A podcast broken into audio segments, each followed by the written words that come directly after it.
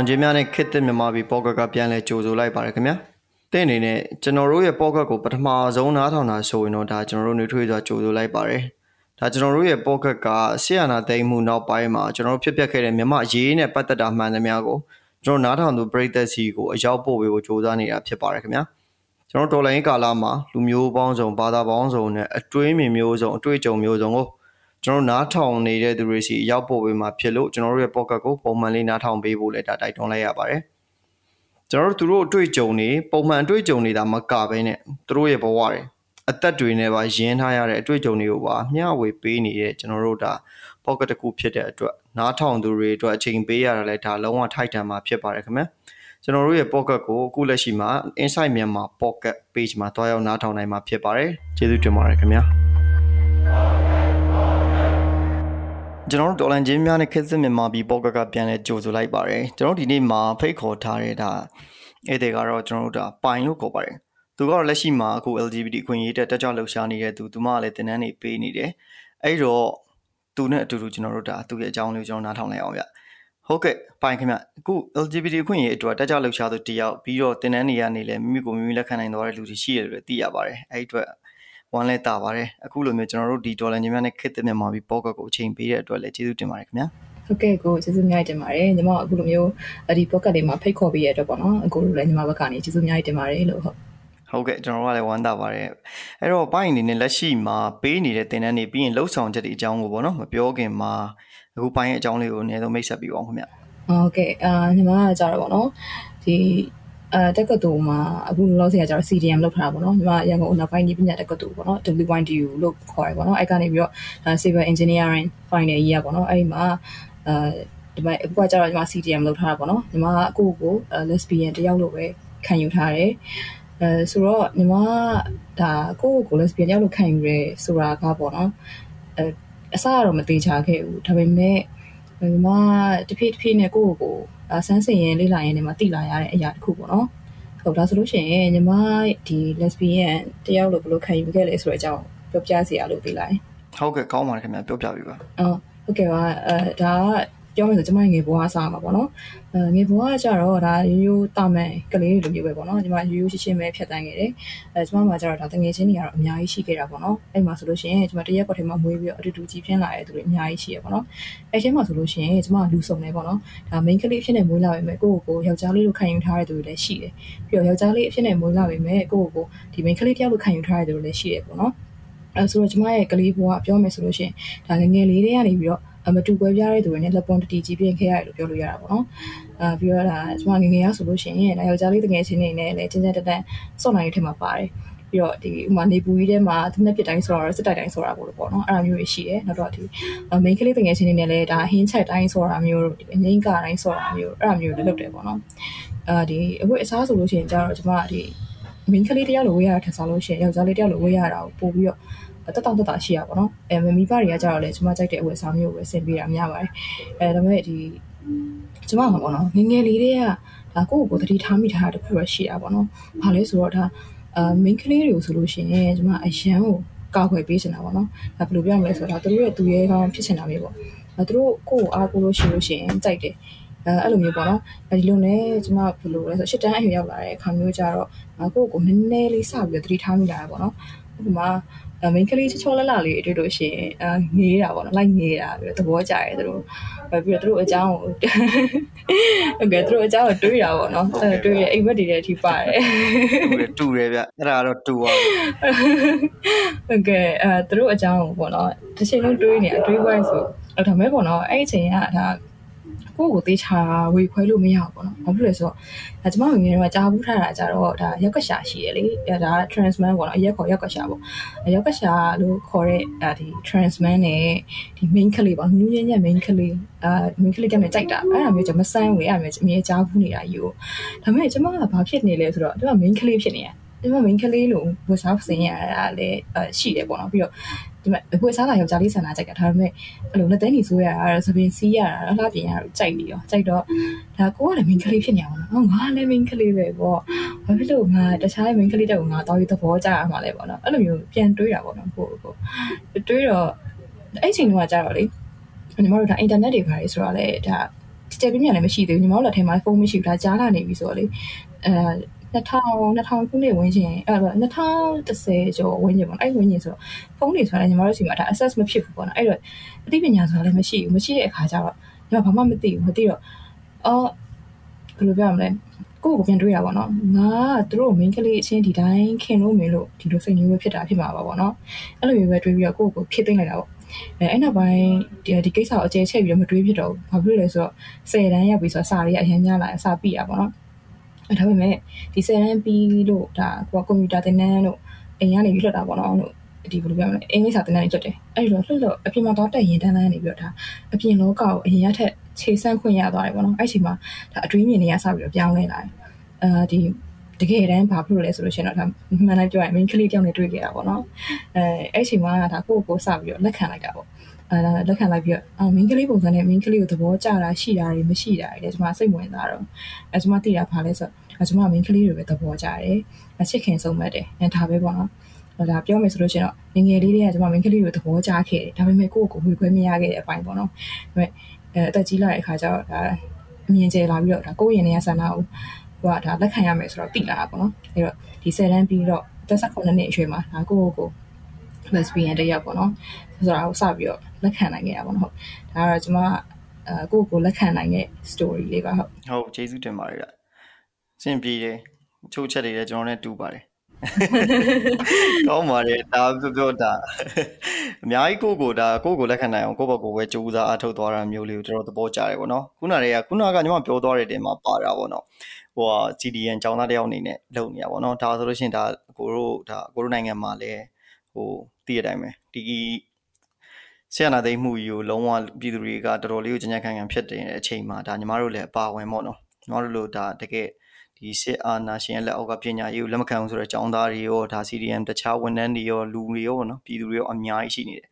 အဲ့ဒီထဲမှာမှအခုလိုမျိုးဒါညီမအနေနဲ့လည်းចောင်းသား CDM တယောက်အနေနဲ့ဆက်လက်တောက်လျှောက်ပါဝင်ပေးနေတဲ့အတွက်လည်းဒါအကူအထက်လောင်းကျေးဇူးတင်ပါတယ်ညီမလေးအဲ့တော့ခုနညီမပြောသွားတာပေါ့နော်ဒါကိုကိုလက်ခံနိုင်အောင်ကိုစူးစမ်းအထောက်ကြတယ်ဆိုတော့ညီမအနေနဲ့လူတွေကကိုကို different person တယောက်အနေနဲ့ဆက်ဆံတဲ့အခါမှာကိုခံ စားရလဲအဲ့ဒါမျိုးနဲ့ပတ်သက်ပြီးတော့ဘယ်လိုမျိုးတုံ့ပြန်နေရှိလဲဟုတ်တယ်လူတွေကညီမတို့ဆက်ဆံရင်မြင်လိုက်တာနဲ့ normal မဟုတ်ဘူးလို့ထင်ကြတာပေါ့နော်တချို့ဆိုလို့ရှိရင်ဒါညီမတို့ဘယ်လောက်ထိဆိုးလဲဆိုရင်အပအပမီနေတာအဲ့လိုမျိုးပြောကြတာမျိုးရှိရလေဒီမှာကြားဘူးတယ်ပေါ့နော်အပမီနေတာပြောရတဲ့လူရှိတယ်ပြီးတော့ဒါစိတ်ပုံမှန်မဟုတ်တဲ့လူစိတ်ရောဂါခံစားနေရတဲ့သူအဲ့လိုမျိုးသတ်မှတ်ထားလဲရှိတာပေါ့နော်အဲ့တော့ညီမအနေနဲ့ဒါခွဲခြားဆက်ဆံမှုတွေက ဒါအများကြီးတော့ကြုံခဲ့ရတယ်ဒါပေမဲ့ညီမကြုံခဲ့ရတဲ့ဆိုတဲ့ဟာတွေကဒါ trans man တွေ trans woman တွေတော့မစိုးဘူးပေါ့နော်ဘာဖြစ်လို့လဲဆိုတော့ညီမကဒါခွဲခြားဆက်ဆံခံရမှာကိုအရန်ကြောက်တယ်ပေါ့နော်အဲ့လိုကြောက်တဲ့အတွက်ဒါကိုကအပေခံဖြစ်သွားမှာအရန်ကြောက်တဲ့အတွက်ညီမရဲ့ main ကလေးပုံစံပေါ့နော်အပြင်ပိုင်းရတာညီမရဲ့ expression က main ကလေးတယောက်လိုပဲပေါ်ပြတာဖြစ်တဲ့အတွက်အဲ main ကလေးပုံစံကိုကပါယူပြီးတော့ပဲညီမဒီတိုင်းတာမန်လူတယောက်လိုမျိုးကျွန်မအဲဘယ်လိုပြောမလဲ တာမန်လူတယောက်လိုမျိုးဟန်ဆောင်နေရတဲ့ပုံစံတွေပေါ့နော်ကာဗာယူထားတဲ့ပုံစံတွေပေါ့အဲ့လိုမျိုးဆိုခွဲခြားဆက်မှုတွေကရှိတော့ရှိပေမဲ့အများကြီးတော့မရှိပါဘူးဒါပေမဲ့အဲဘယ်လိုရှိလဲဆိုတော့ညီမကဒါတော်တော်တောင်းတအောင်သူများကို lesbian တယောက်ပါကောင်မလေးရှိပါတယ်အဲ့လိုမျိုးလိုက်ပြောတဲ့ဘူးပေါ့နော်ဒါပေမဲ့အတွင်းတိအစင်းတိတချို့ကတော့သိတယ်ဒါပေမဲ့တချို့ရက်ွက်တရားလူတွေကလည်းသိတယ်ပေါ့နော်ဘာလို့လဲဆိုတော့ညီမကကြတော့နောက်ပိုင်းကျတော့လေအိမ်ကိုပြောပြီးတော့ဒါခမ်းမြောင်လုပ်လိုက်တယ်ပေါ့နော်ခမ်းမြောင်လုပ်ပြီးတော့အိမ်ကိုကောင်မလေးကိုခေါ်လာပြီးတော့မိတ်ဆက်ပေးတာမျိုးရှိတယ်အဲ့ဒါနဲ့ညီမလည်းနည်းနည်းယောက်ျားဆန်တဲ့ထဲမှာပါတဲ့အခါကျတော့ရက်ွက်ထဲမှာတရင်ရတစုံတစားတော့ပြန်လာပေါ့နော်အဲသူက main ကလေးချင်းရဲ့သဘောကျနေရတာဘာလားပေါ့အဲ့တော့တန်တန်ရမြေလိုမျိုးကြည့်ရပါတော့ရက်ွက်ထဲရလူရထုံးစံအတိုင်းပြီးတော့အဲ့ဒီနောက်ပိုင်းကဆက်ဘာဖြစ်လဲဆိုတော့ ညီမအိမ်ကိုပေါ့နော်အဲဘယ်လိုတငယ်ချင်းတွေခေါ်လာတယ်မင်းကလေးတငယ်ချင်းတွေခေါ်လာတယ်ခေါ်လာတဲ့အခါမျိုးကြားလို့ရှင်တော့သူတို့ကဒါကညီမရဲ့ကောင်မလေးတွေပေါ့နော်တယောက်ပြီးတယောက်တွဲနေရအဲ့လို informal လေးတွေအိမ်ကိုတယောက်ပြီးတယောက်ခေါ်နေရပေါ့နော်အဲ့လိုမျိုးပြောတာမျိုးရှိတယ်ပေါ့နော်အဲနောက်တော့တရက်တစ်ခါကျတော့ညီမအသေးအရန်ကွဲပြီးရောပေါ့နော်စပင်ကိုညှက်လိုက်တယ်ပေါ့နော်စပင်ညှက်ပြီးတော့အဲ့ရစပင်ကယောက်ျားလေးကဖြစ်တော့တူတူလေးပေါ့နော်ဒီကောမှညီမရဲ့အဲဒီဘယ်လိုပြမလဲ ခန္ဓာကိုယ်ပုံစံတွေဘာတွေယောက်ျားလေးနဲ့တူတယ်ပေါ့နော်ပြီးညီမလည်းယောက်ျားလေးလိုဝရကြိုက်တဲ့အတွက်ကြောင့်စပင်တူကတော့တကယ်ကိုအဲ trans man ပေါ့နော်ရဲ့ခေါ်ရောက်ကရှာပေါ့နော်အဲ့လိုပုံစံမျိုးအရှမ်းပေါက်သွားတာပေါ့နော်ပေါက်သွားတဲ့အချိန်ကျတော့အဲ့မှာစပြီးတော့ခွဲခြားဆက်ဆံမှုတောင်ခံရရတာပဲဘယ်လိုဘယ်လောက်ထိခံရလဲဆိုလို့ရှိရင်ဘတ်စကားမတိုင်မှာမတက်ရက်နေတဲ့အချိန်မျိုးမှာဆိုလို့ရှိရင်တောင်မှပဲပေါ့နော်အဲ့လိုအန်ဒီတယောက်နဲ့အဲကောင်မလေးတောင်နဲ့မတက်ရက်နေရပေါ့နော်သူတို့နှစ်ယောက်ကကြည့်ရတာဒါတူဝရေးတွေလို့တော့ထင်တယ်ပေါ့နော်အဲ့တော့တတော်တို့ဘာလို့လဲစကားပြောနေရဆိုတော့ အဲတော့သူတို့နှစ်ယောက်ကပြောတယ်ပေါ့နော်အဲဟိုမှာကြည့်ပါအောင်ပေါ့နော်မတက်ရနေအဲ့ဒါယောက်ျားလားမိန်းမလားပေါ့နော်အဲ့အထော်ကြီးကအမျိုးစပြောတယ်ပေါ့နော်ပြောရချိန်မှာအဲ့ကကောင်မလေးကအဲအဲ့ဒါတဲ့ရောက်ကရှာလေးပေါ့နော်ရောရောက်ကရှာလေးလို့ပြောတာမဟုတ်ဘူးသူပြောတဲ့စကားလုံးကပေါ့နော်ဒါတင်ချတဲ့စကားလုံးမှာသူဘေးကွဲလားဘောပြလားအဲ့နှစ်ခုရဲ့တစ်ခုပဲပေါ့နော်တင်ချတော့မမှတ်မိတော့ပေါ့နော်အဲ့ဒါကပေါ့နော်အဲ့လိုဘေးကွဲလေးပေါ့နော်အဲ့ဘေးကွဲအော်တဲ့ကြည့်ပါအောင်ပေါ့နော်သူတို့အခုနောက်ပိုင်းမှာတဲ့အဲ့လိုဝကြွေးခံရတဲ့သူတွေပေါ့နော်မကောင်းမှုလုပ်တဲ့သူတွေအများလာလို့ထင်နေတဲ့ အဲအခုလိုမျိုးပေါ့နော်အဲ့လိုလူမျိုးတွေပေါ့နော်ဟိုမရောက်ဒီမရောက်တယ်လို့တွေးလာရတယ်ပေါ့နော်အဲ့လိုမျိုးပြောခံလိုက်ရတော့ဒါပေမဲ့နားမလည်နိုင်ဘူးပေါ့နော်အရင်ဘကကိုဘာလုပ်ခဲ့လဲကိုတော့မသိတာသူတို့ကဘယ်လိုသိတာတလဲပေါ့နော်အဲ့နဲ့အိမ်မှာတစ်ခါခံလိုက်ရအောင်နောက်တစ်ခါကျတော့ဘာဖြစ်လဲဆိုတော့ဒီမှာစန်တာကြီးတစ်ခုရဲ့ drawing လိုက်ထဲကိုအလင်းစလိုဝင်ပြီးရအစားတာပေါ့နော်အဲ့ဆိုပြီးအတုံးနဲ့ပဲညီမအဲ့ဒီမှာတကယ်တော့ညီမအရင်အလင်းလုံးနေတဲ့ကြောင့် ပြေးဝင်သွားတာပေါ့နော်ပြေးဝင်သွားတော့တကားကိုလည်းနည်းနည်းမြင်မြန်လေးတုံးဖွင့်ပြီးသူတို့ဖြစ်သွားတယ်ပေါ့နော်အဲ့ချိန်မှာအထက်မှာကောင်မလေး၃ယောက်ရှိတယ်ကောင်မလေး၃ယောက်ကညီမလည်းဆိုမှတိမ်မရင်အရွယ်ပဲပေါ့နော်အဲရှိတဲ့ဟာကိုသူတို့ကညီမဝင်လာချိန်မှာအရန်လန့်သွားတယ်ပုံစံမျိုးလှည့်ကြည့်ကြတာပေါ့နော်ကြည့်ကြတော့ညီမထင်လိုက်တာအော်ငါအရန်ကိုအလင်းစလိုခုံဝင်ပြီးသွားတယ်ပေါ့နော်ဒါကြောင့်သူတို့လန့်သွားတာဖြစ်မယ်ပေါ့အဲ့နဲ့ကြည့်ပြီးတော့အာ sorry နော်အရန်အလင်းလုံးလေးလို့ပါအဲ့လိုမျိုးပြောပြီးတော့ဝင်သွားတယ်ပေါ့နော်ဒီမှာ toilet ထဲဝင်သွားတဲ့အချိန်မှာအဲ့ဒီမှာမဖြစ်လဲဆိုတော့အပြင်မှာအတန်တန်ကြားလိုက်ရတယ်ပေါ့နော် သူတို့တုံးယောက်ရဲ့စကားပြောတဲ့အတန်ကြားလိုက်ရတယ်။ဘာပြောလဲဆိုတော့တယောက်ကလက်သွားတာပဲတဲ့ငါတဲ့ယောက်ျားလေးဖတ်လို့ပေါ့နော်။နောက်ကဟောတော်သေးတာပေါ့တဲ့။တော်သေးတာပေါ့သူတို့ပြောတာကြောင့်အဲရောက်ကရှာလို့ပြောတာပေါ့သူတို့ကတိတ်မစိုးအဲတော်သေးတာပေါ့ရောက်ကရှာဖြစ်နေလို့အဲ့လိုပြောပြီးတော့ဒါပေမဲ့နောက်ဆုံးတစ်ယောက်ပြောတဲ့စကားအစိုးရတာပေါ့နော်။ဟုတ်လဲဆိုတော့သူပြောတဲ့ပုံကဆိုလို့ရှိရင်အေးလေတဲ့ဟိုမြောက်ဒီမြောက်ဖြစ်ခြင်းတကယ်တမ်းယောက်ျားကြကြရဖြစ်ခြင်းနဲ့ဆိုယောက်ျားလေးအိမ်သားလေးဝင်มาလာတယ်ဖြစ်လို့မိန်းကလေးအိမ်သားလေးဝင်ရတာလေပေါ့နော်အဲ့ဒါနဲ့နောက်တစ်ယောက်ကဘာထပ်ပြောလဲဆိုတော့ အော်တဲ့ငါလေတဲ့သူတို့နဲ့အိမ်သားလေးတုံးရတာတတောင်တတမရှိဘူးတဲ့မိမအချင်းချင်းအဲ့လိုနှာဘူးကြရင်ဘယ်လိုလုပ်မလဲပေါ့နော်အဲ့လိုမျိုးပြောခံလိုက်ရတော့ညီမလေးအဲ့တခဏအဲ့ဒီအိမ်သားလေးကနေမထွက်ချင်ဘူးသူတို့နဲ့မျက်နှာချင်းမဆိုင်ချင်တော့တကယ်ကအရန်လဲဝမ်းနေဝါလည်းပါစိတ်မကောင်းဖြစ်သွားလည်းပါတယ်ပေါ့နော်ငါတို့တကယ်ပဲသူတို့ကအဲ့လိုပဲမြင်နေတာလားပေါ့နော်အဲ့လိုတွေပဲညီမသူတို့သုံးယောက်အိမ်သားလေးကနေပြီးတော့ထွက်သွားတဲ့တကားတန်းကိုကြားတော့မှ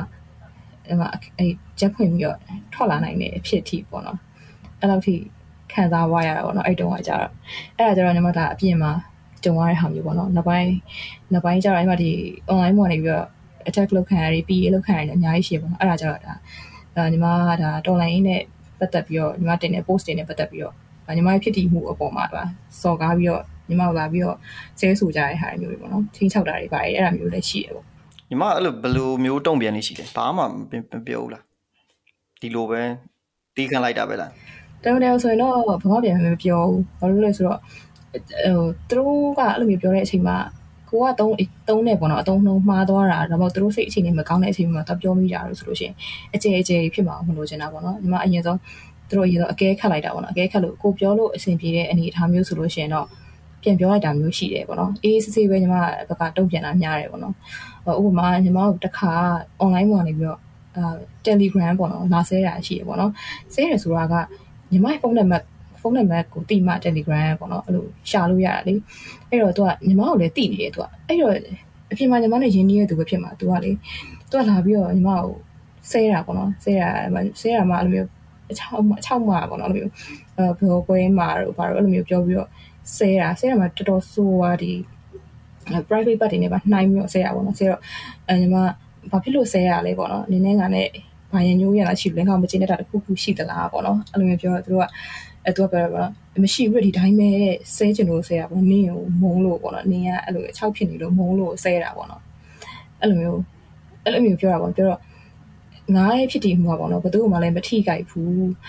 အဲပြီးတော့ဒီဥစ္စာပေါ့နော်ငါဒီလိုဖြစ်ချင်ပါတယ်ဆိုပြီးရွေးချယ်ထားတာလည်းမဟုတ်ဘူးပေါ့နော် ပြီးတော့ငါအခုလုပ်နေတဲ့အလုပ်တွေအကုန်လုံးကလည်းသူများခွင့်အယူထိခိုက်တာတခုမှမပါဘူးပေါ့နော်အဲ့တော့နေရမှာဖြစ်လို့အဲ့လိုပြောတာလေအဲ့လိုပြောရတာမဟုတ်ဘူးလေဆဲချင်လို့ဆဲတာပေါ့ဘလို့မှသူနဲ့လေဒါမှညှိနှိုင်းမှုအကြာကြီးကြိုးစားရပေါ့ဒါပေမဲ့သူ့လုံးဝညှိနှိုင်းလို့မရအဲ့နောက်ပိုင်းကျတော့ဒီတိုင်းပဲပြစ်ထားလိုက်တာပေါ့နော်အဲ့ဒါညီမပြောသွားသေးရပေါ့နော်သူကမြစ်တာရှင်မာကြီးလာလုံးမနေနဲ့တော့ပေါ့အဲ့ဒါမျိုးလေအဲ့တော့ကိုကိုလည်းကြောင်သွားတာပေါ့နော်ငါဘာပဲငါဘာမြဲလုံးပြီလေဟော အဲ့လိုမျိုးအများကြီးရှိရပါဟိုဘယ်လိုပြောမလဲလေးလေးလေးစားပါတယ်ညီမအဲ့လိုမျိုးဟိုတော်တော်တီးခံနိုင်တဲ့လူတွေမှာပါတယ်ပဲပြောရမှာပေါ့နော်ဒါပေမဲ့အဲ့ဒါတီးခံတယ်ဆိုတော့လေဟိုအဓိကဟို EQ IQ ပေါ့နော်အကတို့ပြောတဲ့ဟာပေါ့နော်အဲ့မှာကလူတွေကဘာဖြစ်လဲဆိုတော့မြန်မာနိုင်ငံကလူတော်တော်များများညီမတို့အဲ့လိုမျိုးဟိုဘယ်လိုပြောမလဲထားပါတော့ဒီဟိုဒီ transgender ပဲဖြစ်ဖြစ်တခြားဒီ LGBT ရဲ့လူတွေတောင်မဟုတ်ကောထားပါတော့ straight တွေပဲ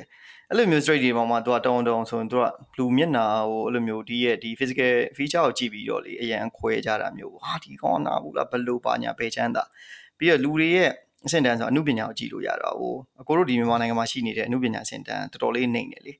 သူတို့ကဒီဆက်ကိစ္စနဲ့မလွတ်နိုင်ကြဘူးသူတို့ကတကယ်တကယ်ပညာပေးနိုင်တဲ့အပိုင်းဟိုမရောက်ဘူးဒီဆက်ကိစ္စနဲ့မလွတ်နိုင်တဲ့အနေအထားတွေဆိုတော့လူတွေရဲ့ EGY ကလည်းနှိမ့်နေပြီးတော့သူတို့ရဲ့ ဟိုခုနပြီးတော့ညီမကားဂိတ်မှာအဲ့လိုမျိုးပြောခံလိုက်ရတဲ့ဟာမျိုးဆိုလို့ရှိရင်လေကိုရို super station ဖြစ်တာအရန်ဟိုအယူသေးတဲ့ကိစ္စတွေပေါ့နော်ဘာသာရေးပိုင်းဆိုင်ရာ dominant ဖြစ်တဲ့အတွက်အယူသေးတဲ့ကိစ္စတွေအကြောင်းဒါတွေကခံရတာတကယ်တကယ်တော့ဒါညီမကိုအများကြီးကြီးကျူးပါတယ်လေးလေလေးတာတွေဘာကြောင့်လဲဆိုတော့တော်တော်လေးကိုဘာပဲပြောကိုအေးအေးဆေးဆေးပေါ့နော်ခုနကဟိုတယောက်ပြောဆိုမေတ္တာရှင်ပါယူကိုအဲ့လိုမျိုးဒါအေးအေးဆေးဆေးတည်တည်ချာချာတုံ့ပြန်နိုင်တယ်ဆိုတဲ့ဟာကဒါမလွယ်ဘူးပေါ့နော်ဘာလို့ဆို သူအဲ့လိုမျိုးပြောခံရတာမျိုးတွေစစံခံရတာမျိုးတွေမှာသူက depression တွေပဲဝင်သွားတတ်တာဟုတ်ဒါပေမဲ့အဲ့လိုမျိုးကိုကတည်တည်ချာပြန်ရှင်းနိုင်တဲ့အတွက်ကျေးဇူးတင်ပါတယ်ညီမဟုတ်ကဲ့ဟုတ်ဟုတ်ညီမ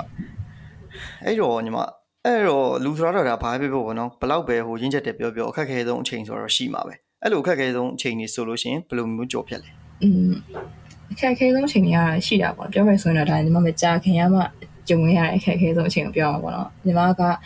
ပြောမယ်ဆိုလို့ရှိရင်ဒါ CDM လုပ်လိုက်ပြီးတဲ့နောက်ပေါ့နော်ပြောမယ်ဆိုလူပြောမလဲလမ်းလုံးဝပျောက်သွားတာပေါ့နော်အစတော့ကတော့ဒါအင်ဂျင်နီယာကျောင်းတက်တယ်ကိုယ့်ကိုထင်လာထင်လိုက်တဲ့ဟာငါအင်ဂျင်နီယာကျောင်းပြီးသွားလို့ရှိရင်ဘွဲကဘွဲယူပြီးသွားရင်ဒါအင်ဂျင်နီယာလောကတွေပဲဝင်မယ်ပေါ့နော်အဲဒါအဆောက်အဦပဲဆောက်မလားတော့ structure engineer ပဲလုပ်မလားအဲ့လိုမျိုးပေါ့နော်ဒီအခုစဉ်းစားခဲ့တာပေါ့နော်အော်ဒါပြီးရင်တော့ဒါကတမွေးဝမ်းကြောင်းပညာတက္ကသိုလ်ဖြစ်တဲ့အတွက်ငါကအလုပ်တစ်ခုတော့အဒီတကျရမှာပဲ အပြင်အဲ့အလုပ်လေးနဲ့ပဲကြည်ငြိမ်လုပ်ပြီးတော့စူးစမ်းသွားလိုက်မယ်လေအဲ့ဒီလိုဟာမျိုးရှိရပေါ့နော်ဒါမှမဟုတ်လို့ရှင်လဲဒီအလုပ်ကိုစိတ်ကုန်လိုက်ထင်ကြကိုပိုင်းအလုပ်လေးတစ်ခုပေါ့နော်စုမိဆောင်မိရှိလာရင်ကိုပိုင်းအလုပ်လေးတစ်ခုလုပ်မယ်အဲ့ဒါမျိုးတွေးမိရပေါ့နော်ဒါပေမဲ့ဒါပေမဲ့ကိုဗစ်ဖြစ်တယ်ပေါ့နော်ကိုဗစ်ဖြစ်တော့ညီမတို့အကြောင်းတွေနားလိုက်တယ်အကြောင်းမှာအဲ့ဒီကိစ္စမရှိသေးဘူးအာအဲ့ကိုဗစ်ဖြစ်တဲ့အချိန်မှာ2000 20 2020တောက်ရတာပေါ့နော်အဲ့ဒီမှာညီမတို့ဒါအထွေထွေကောက်ပွဲလုပ်တယ်ပေါ့နော် အဲ့မှာညီမကရွေးကောက်ပွဲစောင့်ကြည့်လေ့လာတဲ့အဖွဲ့တစ်ခုရှိရပေါ့နော်အဲ့ဒီအဖွဲ့ကနေပြီးတော့ဒါ volunteer ခေါ်တယ်ပေါ့နော်ခေါ်ရဆိုတော့ကြောက်တာ training assistant ခေါ်တာပေါ့နော်ခေါ်တော့ညီမက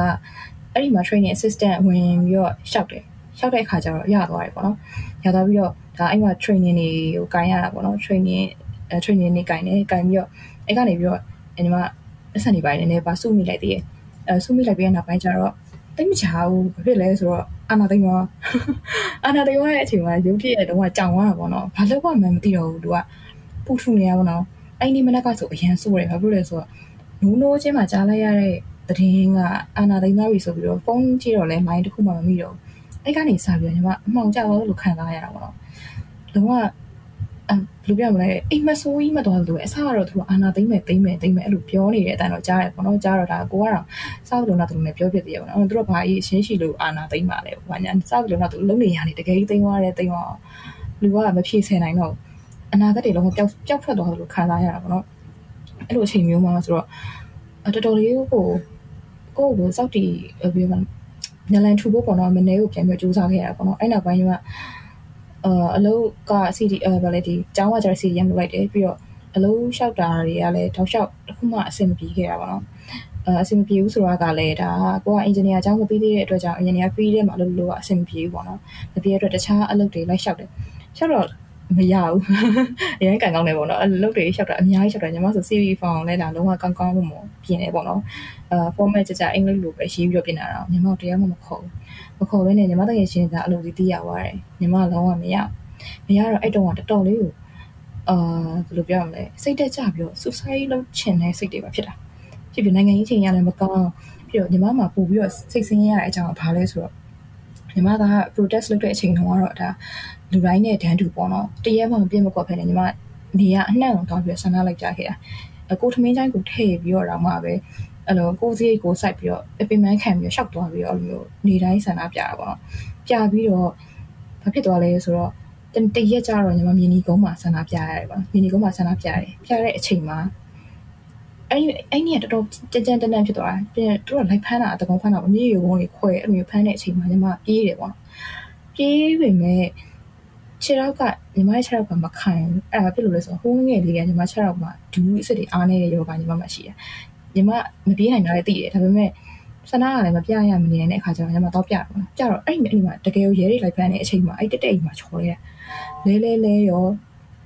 ညီမမထနိုင်တော့နဲ့မထနိုင်တော့လေကိုကိုအဲ့တုန်းကတော့မျက်စိစုံမိတ်ပြီးတော့ပေါ့နော်ငါတော့ပါသွားပါလောက်ပါပြီအဖမ်းဟန်လောက်ပါပြီလို့ထင်လိုက်ပြီမဲ့ဖះတကြားမှပြီးတော့ပေါ့နော်အဲ့ကအကူကြီးနဲ့ကညီမကိုတယောက်ကိုတစ်ဖက်စီရိုက်ပြီးတော့ဆွဲပြီးတော့အဲ့ကအဆောက်အဦတစ်ခုလည်းပို့ပေးခဲ့တာပေါ့နော်ပို့ပေးပြီးတော့တခါအဲ့အဆောက်အဦကလူတွေကလည်းညီမဖွက်ထားပေးတယ် အဲ့ကိုကြီးကဘယ်ကိုဆက်ပြေးသွားလို့လဲမသိဘူးပေါ့နော်ကျေးဇူးတင်စကားတော့မပြောလိုက်ရဘူးအဲ့ဒါအဲ့အချိန်ကစပြီးတော့ညီမကောင်းကောင်းလမ်းလျှောက်လို့မရတော့အဲ့ရဘယ်အချိန်ထိလဲဆိုတော့တစ်နှစ်လောက်ကြာတဲ့အထိညီမချက်တော့ကိုပြန်ကောင်းဖို့အချိန်ယူလိုက်ရတယ်အဲ့ဒါလမ်းပုံမှန်ပြန်လျှောက်နိုင်ဖို့တစ်နှစ်ကြာခဲ့တာအခုညီမပြေးလို့မရဘူးအခုလည်းညီမပြေးလို့မရတော့ဘူးဘယ်လောက်ထိလဲဆိုရင်ညီမကလမ်းလျှောက်လို့ရှင်မြန်မြန်လျှောက်လို့ရရုံကလွင် ပြေးလို့လုံးဝမရဘူးပေါ့နော်ကားလမ်းနေဆိုအရင်ရှင်းမှကူရတဲ့အနေထားအဲထားပါတော့အဲ့ဒါကじゃအုံနောက်ပိုင်းမှာပေါ့နော်အဲ့ဒီတလောကဆိုလို့ရှိရင်ညီမလမ်းလေးရှောက်လို့မရဘူးနာကလည်းကြောက်တယ်လို့ခံစားရတယ်အလုတ်ကလည်းမရဘူးခြေတော်မကောင်းတဲ့အတွက်ကိုအလုတ်ကလည်းရွေးရတယ်အဲ့လိုမျိုးပေါ့နော်အဲ့လိုမျိုးဖြစ်နေတဲ့အချိန်ကျတော့ကိုယ့်ကိုအတုံးကြောက်လို့ခံစားလိုက်ရတယ်ဖြစ်တငယ်ချင်းတွေအကုန်လုံးကိုကြည့်လိုက်လို့ရှိရင်သူတို့ကဘာဖြစ်လဲဆိုတော့တောရဲရောက်နေပြီတော်ရရလက်နက်ကင်နေကြပြီပေါ့နော်အဲ့ချိန်မှာညီမက အမှန်တမ်းပြောရင်သူတို့နောက်ကိုအရန်လိုက်ရှင်ခဲ့တာအဲ့ဒါညီမရဲ့အိမ်မက်ပဲညီမတကယ်ကိုအစတွေကဆုံးဖြတ်ထားပြီးသားပေါ့နော်အကယ်၍ငါတို့ဒီတိုင်းညင်းရှင်းရဆန္ဒပြလို့မှသူတို့ကသဘောမတူခဲ့ဘူးဆိုလို့ရှိရင်ငါတကယ်တော်ရဲဝင်တော့မယ်လက်နက်ကင်မယ်သိရမလားအဲဒီနီလန်းကိုဒီလန်းကိုရွှေ့ရမှာပဲအဲ့လိုမျိုးတွေးပြီးတော့စိတ်ကဆုံးဖြတ်ပြီးသားဒါပေမဲ့မမြုံနေမဲနဲ့6ရောက်ကအဲ့လိုဖြစ်သွားတယ်ဖြစ်တော့ညီမကဒီအိမ်မှာနေရလဲအသုံးမကျတော်ရဲဝင်လို့ကလည်းသူများဝင်တော့ဝင်ပို့ပေးသလိုပဲဖြစ်မယ်ပေါ့နော်အဲ့လိုဖြစ်နေတဲ့အချိန်မှာညီမကို ယ့်ကိုစိတ်တဲ့အရန်ကြပြီးတော့ဘာလို့ဘာကြရမှမသိတော့မသိတော့တဲ့အချိန်မှာတက်သေးခြင်းတွေလည်းဖြစ်လာပြီပေါ့နော်အဲ့ဒါနဲ့ကံကောင်းချင်တော့ဘာလဲဆိုတော့ညီမတို့ LGBT တွေအတွက်အမြဲတမ်း workshop လေးလုပ်ပေးတဲ့အဲ group လေးတခုရှိရပေါ့နော်အဲ့ဒါသူကနေပြီးတော့အဲ့ကနေပြီးတော့ mental health workshop လေးအဲ seminar လေးလုပ်ပေးတာပေါ့နော်လုပ်ပေးတဲ့အချိန်မှာညီမဝင်တက်တယ်တက်ပြီးတော့အဲညီမရဲ့အဲ့တုန်းကအကြီးမားဆုံးအဲဘယ်လိုပြောမလဲစိတ်ထိခိုက်မှုကဖြစ်လာလဲဆိုတော့တော်ရဲဝင်လို့မရတာအဲ့အဲ့ဒါအကြီးမားဆုံးပဲအဲ့အချိန်တုန်းက အဲ့အချိန်မှာသူတို့လုပ်ပေးတဲ့ workshop တွေမှာအဲ guest အဖြစ်နဲ့အဖိတ်ခံရတဲ့သူကအာဒါအရင်တော့လေ American စစ်တပ်မှာဟိုအငိမ့်စားထုပုံမှုကြီးလေဒေါ်မီမီဝင်းဘတ်ဒေါ်မီဝင်းဘတ်ပါတယ်ပေါ့နော်ပါတဲ့ခါကျတော့သူကစကားတစ်ခွန်းပြောတာပေါ့နော်သူပြောလိုက်တဲ့စကားတစ်ခွန်းကြောင့်စိတ်သက်သာရပါလို့ပြောလို့ရပါဘူးသူကပြောတယ်အာတကယ်တော့တဲ့တော်လှန်ရေးလုပ်တယ်ဆိုတာပေါ့နော်လက်နက်ကင်တော်လန်မှာတော်လန်တာမဟုတ်ဘူးပေါ့နော်ကိုကအိမ်မှာနေရတယ်အချိန်ကြီးအကြောင်းအရာတစ်ခုကြောင့် လိုမျိုးတော်ရင်းမလို့မရဘူးဒါဆိုလို့ရှိရင်ဒါကိုမှမျိုးပေါ်မှာနေလို့နိုင်တာအများကြီးရှိတယ်ပေါ့နော်အဲဥပမာအဲဒီထောက်ဖို့လုပ်မလားထောက်မလို့ရှိလို့ရှိရင်အဘွိုင်းကော့မလားရှိသမျှသူတို့ပိုင်းနေပစ္စည်းအကုန်လုံးဘွိုင်းကော့ပြလိုက်တာလည်းအမှန်လိုက်ပြောရင်တော်လိုင်းလုပ်တာပဲ CDM လုပ်တယ်ဆိုတော့လည်းလူတိုင်းမလုပ်နိုင်ဘူးပေါ့နော် CDM လုပ်နေရဆိုတော့လည်းကိုကဒါတနည်းတစ်ဖုံတော်လှန်နေရပဲအဲ့ဒီတော့ဘာမှစိတ်ထဲမကြဘူးပေါ့နော်သူကအဲ့ကနေစပြီးတော့အာတွန်းအားပေးလိုက်တဲ့သဘောမျိုးပေါ့နော်အဲ့နောက်ပိုင်းကစပြီးတော့ အာစိတ်သက်သာရသွားတယ်ပေါ့နော်နောက်ပိုင်းကျတော့ဒါညီမတွေးလိုက်တယ်ငါဒီလိုဖြစ်နေလို့မဖြစ်ဘူးပေါ့နော်အဲဘာလို့လဲဆိုတော့အကယ်၍ကိုယ်တက်သိလိုက်မယ်ပဲထားပါတော့ကိုယ်တက်သိလိုက်တယ်ဆိုလို့ရှိရင်အခုဘက်ကလူတယောက်အင်အားရော်ရတာပဲရှိတယ်ပေါ့နော်ပြီးတော့ငါလုံးနိုင်တာမလုပ်တော့မယ်အဲ့လိုမျိုးတွေးလိုက်တာတွေးပြီးတော့အာဒါじゃနောက်ပိုင်းကျတော့ဒါနိုင်ငံကပြန်လည်ထူထောင်ရေးလုပ်တဲ့အခါကျလို့ရှိလို့ရှိရင်ဘာတွေလိုအပ်နိုင်မလဲပေါ့နော်အခုဆိုလို့ရှိရင်ညီမ အခုလုံးနေရပြီဆိုလို့ရှိရင်ဒါလူခွင့်အကြောင်းညီမလေ့လာရတယ်ပေါ့နော်ပြီးတော့ဒီ LGBT အတွက်ဘယ်ဟာတွေအထောက်အကူဖြစ်နိုင်မလဲအာသူတို့ဘယ်လိုအသိပညာပေးရမလဲအဲ့လိုသူတို့ရဲ့ဘဝအကြောင်းတွေပေါ့နော်အဲ့လိုမျိုးလည်းညီမလိုက်ပြီးတော့လေ့လာရှိရင်နောက်ပိုင်းကျလို့ရှိရင်ညီမဥပဒေအကြောင်းမှာဆက်ပြီးတော့လေ့လာဖို့စီစဉ်ထားမျိုးရှိရပေါ့နော်ဒါတွေကတစ်ချိန်ကြာလို့ရှိရင်ညီမကလက်နက်ကိုင်မတော်လှန်နိုင်ခဲ့ရင်တော့မှဒါပြန်လဲထူထောင်ရေးတွေပဲလုပ်တဲ့အချိန်ကြာလို့ရှိရင်ဒါအသိပညာပေးတဲ့ဥစ္စာတွေပေါ့နော်အဲ့လိုမျိုးတွေအများကြီးလုပ်ပေးနိုင်ဖို့ညီမမျှော်လင့်တာပေါ့နော်ဟုတ်အဲ့ဒါကျတော့ ညီမကိုကိုကိုဘယ်လိုမျိုးပြန်ပြီးတော့အင်အားယူခဲ့လဲဆိုတော့အကြောင်းပေါ့ဟုတ်ဟုတ်ကဲ့ကျေးဇူးတင်ပါတယ်နားထောင်ရတာလည်းတော်တော်လေးလေးကောင်းတယ်ဘယ်လိုလဲဆိုတော့ဒါဘာလမ်းအောင်မရှောင်နိုင်တော့တဲ့နေထားဆိုတာကြီးကတော်တော်ကြီးဆိုးတယ်လေဘာလို့ဆိုကျွန်တော်ဟိုဆိုင်ငယ်လေးမှောက်ပြီးခဏလောက်ပေါ့နော်အဲ့ရလေးအဲ့ရတဲ့တပတ်လောက်လဲသွားတာတော့မှတော်တော်ကြီးရှိတ်ဆက်ကြတာ လုံးဝတစ်နှစ်နီးပါးကိုလမ်းကောင်းကောင်းမလျှောက်နိုင်တော့ဘူးဆိုတဲ့အနေအထားကြီးကိုဒါလုံးဝမှန်းဆကြည့်လို့ရပါတယ်ဟုတ်တယ်ဟုတ်အဲ့တော့ဒါညီမအနေနဲ့ဒါကိုယ့်ရဲ့အခက်အခဲဆုံးအချိန်တွေကိုနောက်ဆုံးဘယ်လိုပြောမလဲအလုံးနဲ့ပဲဒါပြန်ပြီးတော့ကြော်ဖြတ်တာပေါ့နော်ညီမဟုတ်တယ်အကိုဟုတ်အလုံးနဲ့ပဲပေါ့အလုံးထဲပဲစိတ်နဲ့ထားလိုက်တယ်အဆင်ပြေပါဟုတ်ဟုတ်ကဲ့တော်တော်လေးလဲကောင်းပါတယ်ဒါအောင်နားထောင်နေသူတွေကလည်းဒါအများကြီးသူတို့ဟိုဘယ်လိုပြောမလဲသင်ခန်းစာတွေအတွေ့အကြုံတွေရမှာပါသိကြပါတယ် အဲ့တော့ညီမခုနပြောရဲပေါ့နော်ဒီ LGBT နဲ့ပတ်သက်တဲ့ဒါပညာပေးတွေအဲ့လိုမျိုးသင်တန်းတွေဆိုတော့အခုလက်ရှိမှာဘာတွေသင်တန်းတွေပေးနေပြစ်နေလဲဗျဟိုတလောကဟိုကိုနဲ့ပြောပြတော့လေညီမဒါဒီသင်တန်းပေးနေတာသူတို့တွေလည်းတည်တင်တည်တိုက်တာတွေလှုပ်တင်လှုပ်တိုက်တာတွေတည်သွားတယ်သူတို့ကိုသူတို့လည်းပို့ပြီးလက်ခံထားလိုက်နေဆိုတော့တိုင်းတာလေးရှိတယ်ဆိုတော့အခုလက်ရှိမှာညီမဘယ်လိုသင်တန်းလေးတွေပေးပြနေလဲအာဟုတ်ကဲ့အဲလက်ရှိကကြတော့ဒါညီမကဥမာ trainer စပြီးတော့ဖြစ်တယ်လို့ပြောလို့ရတာပေါ့နော်အဲအရင်တော့ကကြတော့ညီမကဒါသင်တန်းသားအဖြစ်နေပဲရှိသေးတာပေါ့နော်ညီမ အာပထမဦးဆုံးအခုလောလောဆယ်ဘာတွေ training ပေးလဲဆိုတော့ဒါကညီမတို့ကတော့ဒါဆိုကြည်ဆိုကြည်လို့ခေါ်တာပေါ့နော်ဆိုကြည် SC လို့ခေါ်ရတာရှိတယ်အဲ့ဒါဘာလဲဆိုလို့ရှိရင်ဒါကလေစိတ်ခံယူမှုနဲ့ပတ်သက်ပြီးတော့ဒါလူတွေကိုနားလည်သွားအောင်လို့ပေါ့နော်ဒါ LGBT တွေလည်းတက်လို့ရတယ်ဒါတခြားဒါ straight လို့ကိုခံယူထားတဲ့သူတွေတက်လို့ရတယ်ပေါ့နော်အဓိကကတော့အာလူတယောက်ရဲ့ကွဲပြားခြားနားတဲ့လိင်စိတ်ခံယူမှုတွေအကြောင်းသိဖို့ပေးတဲ့သင်တန်းပေါ့နော်အဲအဲ့လိုမျိုးဒီလိုသင်တန်းဆိုရင်မဲ့ဒါသင်တန်းမှာဒါအခြေခံဆိုလို့ရှိရင်အဲဒီ ဒီလိင်စိတ်တင်ညွှန်မှုဘက်ကိုပဲတွားတာမျိုးမဟုတ်ဘဲနဲ့အာအရင်ဆုံးလူအခွင့်အရေးအကြောင်းပါမယ်ပေါ့နော်လူအခွင့်အရေးဆိုလို့ရှိရင်ဒါအခြေခံအချက်တွေပေါ့နော်အာ UDHR UDHR အပိုက်30အကြောင်းပါမယ်အာဒါကြဟုတ် UDHR အပိုက်30အကြောင်းပါမယ်ပြောရဆိုလို့ရှိရင်ကျမတို့ဒါ sex and gender ပေါ့နော်လိင်နဲ့အာဒီ gender ပေါ့နော်အဲ့ဒါကဘာကွာတယ်လဲအဲ့အမျိုးအကြောင်းလေးရောနောက်တော့ကညီမပြောရဲဆို GSC အကြောင်းရယ်နောက်တော့ကျတော့ဒါတချို့ဒီ diversity နဲ့ inclusion ပေါ့နော် အဲအဲ့အကြောင်းကိုလည်းညီမတို့နည်းနည်းအနေအချင်းသွားတာမျိုးရှိတယ်အဲအဲ့ဒါ diversity နဲ့ inclusion အကြောင်းသင်မှ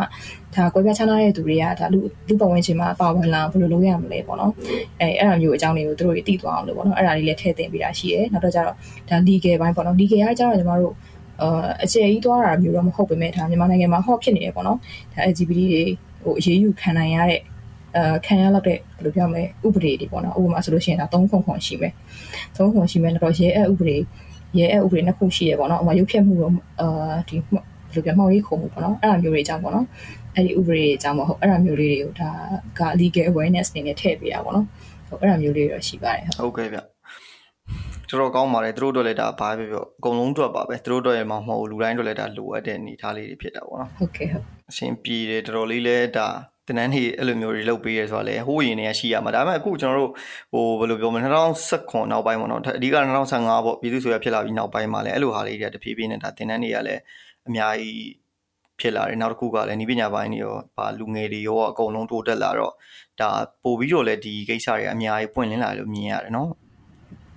ဟုတ်ဟုတ်တယ်ဟုတ်တယ်ကို ဟုတ်တယ်2019နောက်ပိုင်းပေါ့ဟုတ်အဲ့နောက်ပိုင်းမှာမှညီမတို့ကတည်းပွဲတွေတော့အများဖြစ်လာတာပေါ့နော်ဥပမာအပြင်မှာဆိုလို့ရှိရင်ဒါ and proud ပွဲတွေပေါ့ဟုတ်တယ်ဟုတ်တယ် and proud ဆိုအဲ့လိုမျိုးဒီ pride month နေဆိုလို့ရှိရင်ညီမတို့ဒါ celebrate လုပ်ကြတယ်ပေါ့နော်အဲ့လိုမျိုးတွေအများကြီးရှိလာတယ်အဲ့အတွက်ကိုလူတွေကဒါ LGBT ဆိုတာကလေသူတို့မြင်မှများရင် normal လို့ထင်လာကြတယ်လေအဲအော်ဒါသူတို့လည်းဒီမှာအများကြီးရှိတာပါပဲလားဒါတော့ရှိသေးတယ်နော်တချို့လူတွေကပြောရပေါ့နော် ဟောအခုခေတ်ကြီးမှာပေါ်လာလိုက်တာ6တေအဲ့လိုမျိုးပြောကြတာပေါ့နော်တကယ်ကမဟုတ်ဘူးပေါ့နော်ပေါ်လာတာမဟုတ်ဘူးသူတို့ကဒါကိုယ့်ကိုဘယ်လိုပြခံမရလို့လာကြတဲ့သူများလာတာပေါ့နော်အဲ့ဒါမျိုးသူတို့ကသူတို့ထင်တာကကြတော့ညီမတို့ကအရှိရနေပြီးတော့ဒါအရင်လုပ်ပြရတဲ့အတွက်ကြောင့်ပေါ့နော်အဲ့ဒါအတူမြင်တက်တယ်မျိုးကလေးတွေအကုန်လုံးကညီမတို့လိုမျိုး LGBT တွေဖြစ်ကုန်လားအဲ့လိုမျိုးပြောကြတယ်တကယ်ကမဟုတ်ဘူးသူတို့ရဲ့အဲ့ concept ကလည်းမှားနေသေးတာပေါ့နော်အဲ့ဒါလည်းပြင်ဖို့တော်တော်အချိန်ယူအောင်ပဲရှင် ဟုတ်တယ်ဗျမြန်မာလေးဘာလို့ဆိုတော့မြန်မာနိုင်ငံရဲ့ဒီနိုင်ငံရေးလူမျိုးရေးဘာသာရေးပေါ့နော်အကုန်လုံးနှီးပါးကဒီ LGBT နဲ့ပတ်သက်တဲ့ဟာတွေလိမ်မိုင်းဆိုင်ရာအဓိကကတော့လိမ်မိုင်းဆိုင်ကိုတော်တော်လေးကိုဖိနှိပ်တာမျိုးပေါ့နော်အဲ့ဒါကြောင့်မို့လို့ဟုတ်တယ်ဟုတ်တယ်ကိုအဲ့နေထားမှာအဲနောက်တစ်ခုကကိုမေးခွန်းပါပေါ့နော်ဒါဒါခုနပြောတဲ့ဒီမှာပါသွားတယ်နိုင်ငံရေးလူမျိုးရေးဘာသာရေးပေါ့ တော်တော်များများအကုန်လုံးဖိနှိပ်ကြတာအဲ့ထဲမှာမှာအဆိုးဆုံးကပညာရေးပညာရေးဆိုတာဒါနောက်ဆုံးကိုတို့ပြောမယ်ခုနပြောသီးသင်းတိထိုက်တဲ့လူခွင့်ရေးတွေပြီးရင်ဒါတန်းလူညီများကွင်းနေကိုတော့မှသိစေတဲ့ဒါလှေကားတစ်ပေါ့နော်ဒါပေမဲ့ပညာရေးပိုင်းမှာကအစာဒီ LGBT ကိုဖိနှိပ်ထားသလိုဖြစ်နေတာဆိုတော့အဲ့လိုမျိုးဖိနှိပ်မှုတွေကိုညီမတို့ဘယ်လိုမျိုးကြော်လွှားမယ်လို့ဘယ်လိုမျိုးကြော်လွှားနေလဲဟုတ်အပညာရေးပိုင်းမှာဆိုလို့ရှိရင်ဒါဟုတ်တယ်ကိုပြောရမှန်းနေပေါ့နော်ညီမစဉ်းစားမိတယ်လို့ဆိုငငယ်တုန်းကညီမတို့အတန်းထဲမှာရှိတဲ့ ဘယ်လိုပြောမလဲ LGBT ကလေးဟို K ပေါ့နော် K မျိုး K လေးတွေဆိုလို့ရှိရင်လည်းအเจ้าမှာအဲ့လိုအဖြစ်ပေးခံရတဲ့အခါကျတခြားလူတွေထက်ပိုပြီးတော့ဆီယမတွေကမဲတာပေါ့နော်မဲရဆိုအကယ်၍သူတို့ကစာမရလို့အဖြစ်ပေးခံရတယ်ပဲထားပါတော့အဲ့ဆိုလို့ရှိရင်တာမယ်လူဆိုလို့ရှိရင်စာမရအောင်ဆိုနှစ်ချက်သုံးချက်လောက်ရိုက်ပြီးတော့ခုံမှာတက်ပြီးတော့မတက်ရက်ခိုင်လိုက်ပြီးသွားတာပေါ့နော်အဲ့တော့သူစာမချက်လို့စာမရတာဘူးဒါပေမဲ့ LGBT ကလေးပေါ့နော် K ကြတော့လေကဲအချောက်မဆိုပြီးအဲ့လိုပြောပြီးတော့အင်တာနက်မှာညီမတငယ်ချင်းလုပ်ခဲ့တာပေါ့နော်အဲ့ဆီယမညီမတငယ်ချင်းဘာလုပ်ခဲ့လဲဆိုတော့ ဘောင်းကြီးချွတ်ပြီးတော့အတန်းပြင်မှာထွက်ပြီးတော့မတ်တက်ရခိုင်းတာအဲ့လိုမျိုးပေါ့နော်အဲ့လိုလောက်ခိုင်းတာပြီးတော့ယောက်ျားလေးတွေဆိုလို့ရှိရင်အဲ့လိုသူ့ရဲ့အဲ့လိုဘယ်လိုလဲရွှေကြိုးလေးကိုလိုက်ရိုက်တာမျိုးပေါ့နော်တိလားအဲ့လိုမျိုးလုပ်ပြီးတော့အဲ့လိုတခုဆိုလို့ရှိရင်နောက်မှာပဲနေကအချောက်မှုလို့ပေါ့နော်အဲ့လိုမျိုးမိမလို့မိမရနဲ့မှုလို့နေရအစာကိုစိတ်ဝင်စားတာပေါ့ဗျာအဲ့လိုမျိုးတခုခုတုံအမားတခုလုံးလိုက်လို့ရှိရင်တော့သူ့ရဲ့ဖြစ်တည်မှုထိကြိုက်ပြီးတော့ပြောတာဒါတွေကဘာဖြစ်လဲဆို ဆီယာမတွေမှာလုံလောက်တဲ့ဘ ഹു တုတာမရှိတာပေါ့နော်ပြီးတော့အကြောင်းတွေမှာခွဲခြားဆက်ဆံမှုတွေမဖြစ်အောင်လို့ဆိုလို့ရှိရင်ကလေးတွေလည်းအကြောင်းတွေပြောအောင်လို့ဆိုလို့ရှိရင်ဆရာဆရာမတွေကိုယ်တိုင်ကအာဒီညီမတို့ရဲ့ဖြစ်တည်မှုတွေအကြောင်းသူတို့နားလည်ထားမှာပေါ့နော်အဲ့တော့အဲ့အတွက်ကိုပေါ့နော်ညီမတို့ဒါတကယ်ကတော့ညီမပြောတဲ့တင်တဲ့ပေါ့နော်ဆိုကြီးရစီတင်တဲ့ဆိုလို့ရှိရင်လည်းဒါပညာရေးနယ်ပယ်ဆရာဆရာမတွေကိုလည်းသင်ပေးတင်တာပေါ့နော်အခုဒါညီမကကြတော့ပထမစဆုံး training ပဲရှိသေးတာဆိုတော့အဲ့ဒီထိတော့မတော်နိုင်သေးဘူးပေါ့နော်ဒါပေမဲ့ ဒါ organization အရင်တည်းကအလုပ်လုပ်လာတဲ့ organization တွေရှိတယ်ရှိတဲ့ခါကျလို့ရှိရင်တို့ကဒါပညာရေးတွေပဲဆရာဆရာမတွေကိုဦးစားပေးပြီးတော့ခေါ်တဲ့သင်တန်းမျိုးတွေရှိတယ်ပေါ့နော်အဲအဲ့ဒါတွေကိုဆရာမဆရာဆရာမတွေအကြောင်းကဆရာဆရာမတွေပဲဖြစ်ဖြစ်အဲ့လို private ကျောင်းတင်တင်ဖာတင်တင်ပေါ့နော် tuition ပဲတင်တင်အဲ့လိုဝင်ပြီးတော့ညီမတို့ join စီချင်တာပေါ့နော်အဲညီမတို့အဲ့လို join မှတို့ကဒီကလေးတွေဖြစ်တည်မှုအကြောင်းနားလည်သွားပြီးတော့ဒီကလေးတွေအပေါ်မှာဘယ်လိုဆက်ဆံရမလဲဆိုတော့သိမှာဆရာဆရာမဆိုတာကပေါ့နော်ကျောင်းမှာဒီအဲ ကိုယ့်စီမှာလင်စိတ်ခံရမှုပွဲပြတဲ့ကလေးတယောက်ပါလာတယ်ပဲထားပါအဲ့ကလေးကိုတခြားကလေးတွေကဝိုင်းပြီးတော့အနိုင်ကျင့်မယ်နှိမ့်ဆက်မယ်ဆိုလို့ရှိရင်တော့မှာပဲ तू ကဝင်ပြီးတော့ကာကွယ်ပြီးပြီးတော့ဆုံးမပေးရမှာပေါ့နော်အဲဒါတခြားကလေးတခြားကလေးလို့ तू ဆုံးမပေးရမှာပေါ့နော်ဥပမာအော်ဒါကဒါခွဲခြားဖို့မဟုတ်ဘူးဒီမှာတငယ်ချင်းကအာဒါဘယ်လိုပြောမလဲဒါကိုနဲ့မတူတိုင်းပေါ့နော်အဲ့လိုမျိုးသူ့ကိုခွဲခြားဆက်ဆံလို့ မရဘူးချင်းချင်းနာဆက်ဆံရမယ်ဒါလူတွေကလူပဲဒါဆီယမတွေကိုဆီယဆီယမတွေကိုဒါအခြေခံလူအခွင့်အရေးအကြောင်းကိုလည်းသင်ပေးထားရမှာပေါ့နော်အဲ့လိုသင်ပေးထားမှသူတို့ကအဲကလေးတွေကိုကောင်းကောင်းမွန်မွန်ထိန်းချောင်းနိုင်မှာပေါ့အဲ့လိုမှမဟုတ်ဘူးဆိုတော့သူတို့ကိုယ်တိုင်ကပါလိုက်ပြီးတော့ခွဲခြားနေတာပေါ့နော်ညီမကြားဘူးတဲ့ဟာတစ်ခုရှိတာပေါ့နော်အဲ့ဒါကြောင့်အဲ့မှာကလေးနဲ့ကရမ်းဖြစ်တာဖြစ်တဲ့အချိန်မှာ तू ကအဲ့ဒီဂေးလေးကိုထိုးလိုက်တယ်တခြားကလေးကထိုးလိုက်တဲ့အချိန်မှာဂေးလေးကငိုတာပေါ့နော်ငိုတဲ့ဟာကိုဆီယမရောက်လာပြီးတော့အေးမဖြစ်တယ်လေမဖြစ်တယ်လေ तू ဝင်တော့ဆွဲတယ်ဝင်တော့ခွဲတယ် ခွဲလိုက်ပြီမဲ့သူဘာပြောလဲဆိုတော့ကနေရလဲအဲ့လိုမျိုးအနိုင်မကျင့်နဲ့လေချင်းချင်းတနိုင်မလုပ်ပါဘူးနေရလဲမချောက်နဲ့အဲ့လိုပြောလိုက်တာပေါ့နော်နေရလဲမချောက်နဲ့ဆိုတော့အဲ့လိုမျိုးလွယ်လွယ်နဲ့ပြောလို့ရတဲ့ဥစ္စာမဟုတ်ဘူးပေါ့နော်ညီမတို့အဲ့လိုဒီလိုစိတ်မျိုးဖြစ်လာတယ်ဆိုတော့ညီမတို့ကငါဒီလူကြီးဖြစ်ချင်လိုက်တာဆိုပြီးရွေးချယ်လိုက်တာလည်းမဟုတ်သူကသူငကိုယ်တည်းကဖြစ်လာတဲ့စိတ်ပေါ့နော်အဲ့လိုမျိုးဆရာဆရာမတွေကအစားလို့ခွဲခြားဆက်ဆံလို့ဖြစ်တဲ့အခါကျကလေးတွေကမဖြစ်လာလဲဆိုတော့အကြောင်းတွေမပြောတော့ဘူးတချို့ဆိုလို့ရှိရင်ကျောင်းမသွားကျင်တော့ပါဘူးလို့ဖြစ်လာတဲ့ကလေးတောင်ရှိရပေါ့နော်ကျောင်းမှာလည်းနိုင်ချင်းခံရတဲ့အထက်မှာဆရာမကကိုယ့်ဘက်ကလည်းမပါဘူးမ ပါတဲ့အခါကျတော့အဲ့လိုမျိုးတွေဖြစ်လာပြီးတော့ကလေးတွေအကြောင်းတွေမပြောဘူးအကြောင်းတွေမပြောရစာလည်းမလုပ်နိုင်တော့အဲအကြောင်းအဲ့ကနေစပြီးတော့ဒါ transwoman တော်တော်များများပေါ့နော်မေးကြည့်လိုက်လို့ရှိရင်ငငယ်တုန်းကအဲ့လိုဖြစ်လို့သူတို့မပြောလို့အကြောင်းထွက်ခဲ့ရပါတယ်ဒါကြောင့်ပညာရေးတစ်ပိုင်းတစ်စားနေပဲသူတို့ပြီးသွားရပါတယ်သူတို့ဖြစ်ချင်တဲ့အိမ်မက်တွေဖြစ်ခွင့်မရခဲ့ကြဘူးအဲ့ဒါမျိုးတွေအများကြီးရှိတာပေါ့နော်အဲ့တော့လေဒါညီမပြောချင်တဲ့ဟာကျတော့ဆရာဆရာမတွေမှာကအဓိကကအဒီလိမ့်စိတ်ခံမျိုးကွဲပြားတဲ့သူတွေကိုပေါ့နော်အဲ ဘယ်လိုဆက်ဆံရမလဲသူတို့ကဘာလဲပေါ့နော်အဲ့လိုမျိုးနားလေပေးနိုင်မှုအသိပညာရှိတဲ့လို့ထင်တာပေါ့နော်အဲ့ဒီအတွက်ကိုလည်းအာဒါသူတို့ဒါဖောင်ကြီးတို့ဘာလို့တင်တဲ့နေ့ရှိတယ်ပေါ့နော်အဲ့ဒီမှာဆိုလို့ရှိရင်လည်းသူတို့ပညာရေးဘက်နဲ့မဟုတ်ဘဲနဲ့ပေါ့နော်ပညာရေးပိုင်းနေမဟုတ်ဘဲနဲ့အာဒီ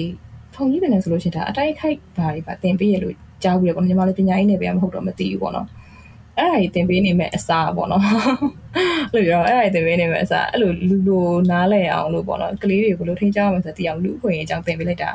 ပို့ပြီးတော့အဆင်ပြေမယ်လို့ထင်တယ်ပေါ့နော်ရန်သဘောကြညီမပြောရတယ်မနောက်ဆုံးမှာလူလိုနားလေအောင်လို့နော်ဟုတ်ပါဘူးနားလေအောင်လို့လူခွင့်ယူသင်ပေးရ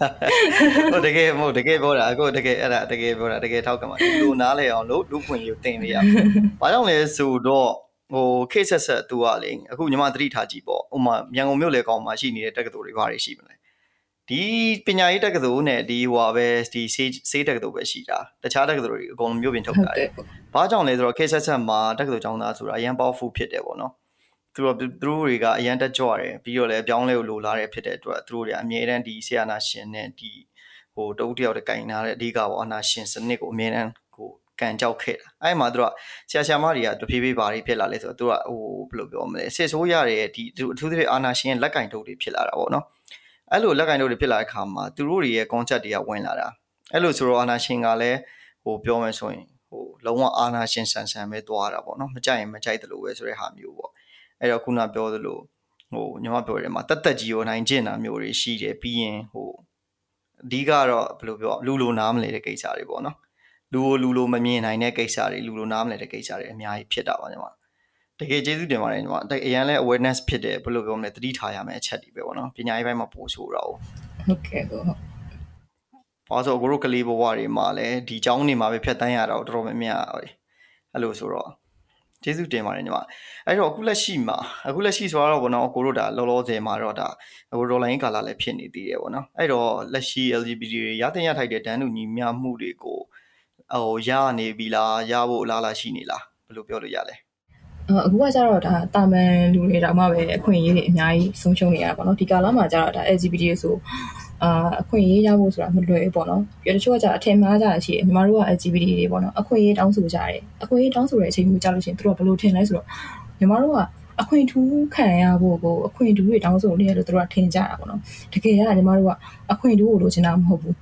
တာမန်လူတယောက်လိုပဲဆက်ဆံခံရဖို့ကိုအခွင့်အရေးတောင်းဆိုတာအဲဒါပေမဲ့ဒါဘယ်လိုပြောမလဲအထူးအခွင့်အရေးဆိုတာမျိုးကတော့အာရှိတာပေါ့နော်အခွင့်ထူးမဟုတ်ဘဲနဲ့အထူးအခွင့်အရေးပေးတယ်ဆိုတာမျိုးရှိတယ်အဲ့ဒါဘာကွာလဲဆိုရင်ဥပမာအဲညီမတို့ကဒါဟုတ်ပြီဒီလူခွင့်ကြီးညာစာတန်းရှိတယ်ရှိလို့ရှိရင်ညီမတို့ကအဲ့မှာအကြီးညာစာတန်းကြီးမှာပေါ့နော်အခွင့်အရေးတွေလည်းအများကြီးပြဋ္ဌာန်းထားတယ်ရှိတာမှအချက်30အောင်ရှိတာပေါ့နော်အဲ့ဒီဟာတွေကို ဒါကတာမန်လူတွေဆိုလို့ရှိရင်ဒီအခွင့်အရေးနဲ့ဒါလိုက်နာလို့ရှိရင်လုံလောက်တဲ့ဟာမျိုးရှိတယ်ဒါပေမဲ့တချို့သောအုပ်စုတွေရှိတယ်ပေါ့နော်တချို့သောအုပ်စုတွေဆိုတာဘာလဲဆိုတော့အချိန်အကြာမြင့်စွာအချိန်ကြာမြင့်စွာပေါ့နော်အဲ့လိုဖိနှိပ်ခံထားရလူရန်စားတသက်ကိုရှိတာဥပမာအဲဒါအမျိုးသမီးတွေရှိမယ်အာပြီးရင်မတန်ဆွမ်းတွေရှိမယ်ပြီးရွှေပြောင်းလို့သမားတွေရှိမယ်အဲ့လိုမျိုးတွေအများကြီးရှိရပေါ့နော်အဲ့လိုလူမျိုးတွေကြတော့ညီမတို့ကဒီအခွင့်အရေးတွေနဲ့မလုံလောက်တာမျိုးရှိတယ်ပေါ့နော်သူတို့တက်ကိုဒါအခွင့်အရေးကိုနည်းနည်း အာဘယ်လိုပြောရမလဲဖြည့်ဆွတ်ပေးရတာမျိုးရှိရပေါ့နော်ဥပမာ LGBT ဆိုလို့ရှိရင်လည်းဒါယာသူနှစ်ပေါင်းများစွာအချိန်အကြာကြီးညီမတို့တွေဖိနှိပ်ခံရတာမျိုးတွေပေါ့နော်အဲ့အတွက်ကိုညီမတို့ကဒါအခွင့်အရေးကိုဒါတီးတန့်တောင်းဆိုတာမျိုးရှိရပေါ့နော်အာရှင်းလင်းတော့အောင်လို့ဥပမာတစ်ခုအနေနဲ့ပေးရမယ်ဆိုလို့ရှိရင်ညီမတို့လမ်းနှစ်လမ်းရှိတယ်ပဲထားရတာပေါ့နော်လမ်းနှစ်လမ်းရှိတဲ့အချိန်မှာတစ်လမ်းကကားအသွားများတယ်အနည်းခံရတာများတယ်ပေါ့နော်နောက်တစ်လမ်းကကျတော့ကားသိမ့်မသွားဘူးပေါ့နော်အဲ့လမ်းနှစ်လမ်းရှိတဲ့အချိန်မှာမူရင်းလဲရကောညီမတို့ဂျိုင်းနေဖြစ်ကောဖြစ်လဲဖြစ်ကော မြေဖို့ဖို့လိုတယ်ဆိုလို့ရှိရင်အာဒီကားနင်းတာများတဲ့လမ်းကိုဖို့မအမြင်များဖို့ရမှာပေါ့နော်ပြီးတော့ကားနင်းတာနေတဲ့လမ်းကိုကျတော့နည်းနည်းပဲပို့ဖို့လို့ပေါ့ဘာဖြစ်လို့လဲဆိုတော့သူကကျတော့ဖိနှိပ်ခံထားရတဲ့အတွက်ကြောင့်ပေါ့နော်သူ့ကိုများများပို့ဖို့ပြလိုက်တာအဲ့ဒါမှလမ်းလေပဲอ่ะဒီဘက်နဲ့ညီသွားမှာပေါ့နော်အဲ့တော့ဒီဟာကကျတော့ညီမတို့အခွင့်အခွင့်ရေးဟိုဘယ်လိုပြောရမလဲအထူး ဘယ်လိုအခွင့်အထူးကြီးသူ့ကိုပေးလိုက်တာမျိုးမဟုတ်ပေါ့နော်ရော့အနေအခွင့်အထူးကြီးခံစားလို့ပေးလိုက်တာမဟုတ်ဒါပေမဲ့ဒီဘက်ကလည်းပဲနဲ့ညီအောင်လို့သူ့ညှိလိုက်ရတဲ့သဘောအဲ့ဒီသဘောပဲပေါ့နော်အဲ့တော့အကုန်လုံးအမှန်မှားနေတာကြတော့ညီမတို့ကဒါအခွင့်အထူးခံခြင်းလို့တောင်းဆိုနေတယ်သူတို့အဲ့လိုထင်တာပေါ့နော်တကယ်တမ်းမဟုတ်ဘူးညီမတို့ကဒါဖိနှိပ်ခံထားရတာအချိန်ကြာလာတဲ့အတွက်ကြောင့်ဒါအခွင့်အရေးဖြစ်ဆက်ပေးဖို့ပဲပြောတာပေါ့နော်ဒါကကြတော့ဒီအခု ဥစ္စာကိုပြင်ပြောမယ်ဆိုလို့ရှိရင်ဒါမြန်မာနိုင်ငံမှာဆိုလို့ရှိရင်ဒါအာဏာသိမ်းခံရပြီးနောက်ပိုင်းမှာတာမန်လူတွေတောင်မှပဲအခြေခံရတင်ရထိုက်တဲ့အခွင့်အရေးတွေအများကြီးကိုညီမတို့ဆုံးရှုံးနေရတယ်အဲ့လို LGBT ဆိုရင်တော့အခွင့်အရေးရောပေါ့နော်ဒါပေမဲ့နောက်ပိုင်းညီမတို့ democracy အစိုးရပြန်တက်လာတဲ့အချိန်မျိုးကြာလို့ရှိရင်တော့ညီမတို့အနေနဲ့ဒီလှုပ်ရှားမှုတွေကအများကြီးလုပ်လို့ရမယ်လို့ထင်တယ်ပေါ့နော်အဲဥပမာဆိုလို့ရှိရင်ညီမတို့အခု training တွေပေးတယ်ဒါပေမဲ့ညီမတို့ဘယ်လိုပေးရလဲဒီလားခိုးပေးရခိုးပေးရတယ်ဆိုတာညီမတို့အရင်တတိထားရတယ်ပေါ့နော် training ထဲမှာ လူရွေးတဲ့အချိန်ကစပြီးတော့ဟုတ်ညီမဘယ်လောက်ထိတတိထားရလဲဆိုလို့ရှိရင်ညီမလူစီရင်တွေစစ်တယ်စစ်ရင်ညီမတို့ခြားလေးညာလုံးပေါက်စစ်ရတာပေါ့နော်အဲစစ်တဲ့ခါကျလို့ရှိရင်ဥပမာတက္ကသိုလ်ကျောင်းသားကျောင်းသူတွေပါတလားပါလာတလားပေါ့နော်ဟုတ်အဲကြည့်လိုက်တယ်ပြီးတော့သူတို့ mind တဲ့နံပါတ်တွေမြန်သုံးထားသလား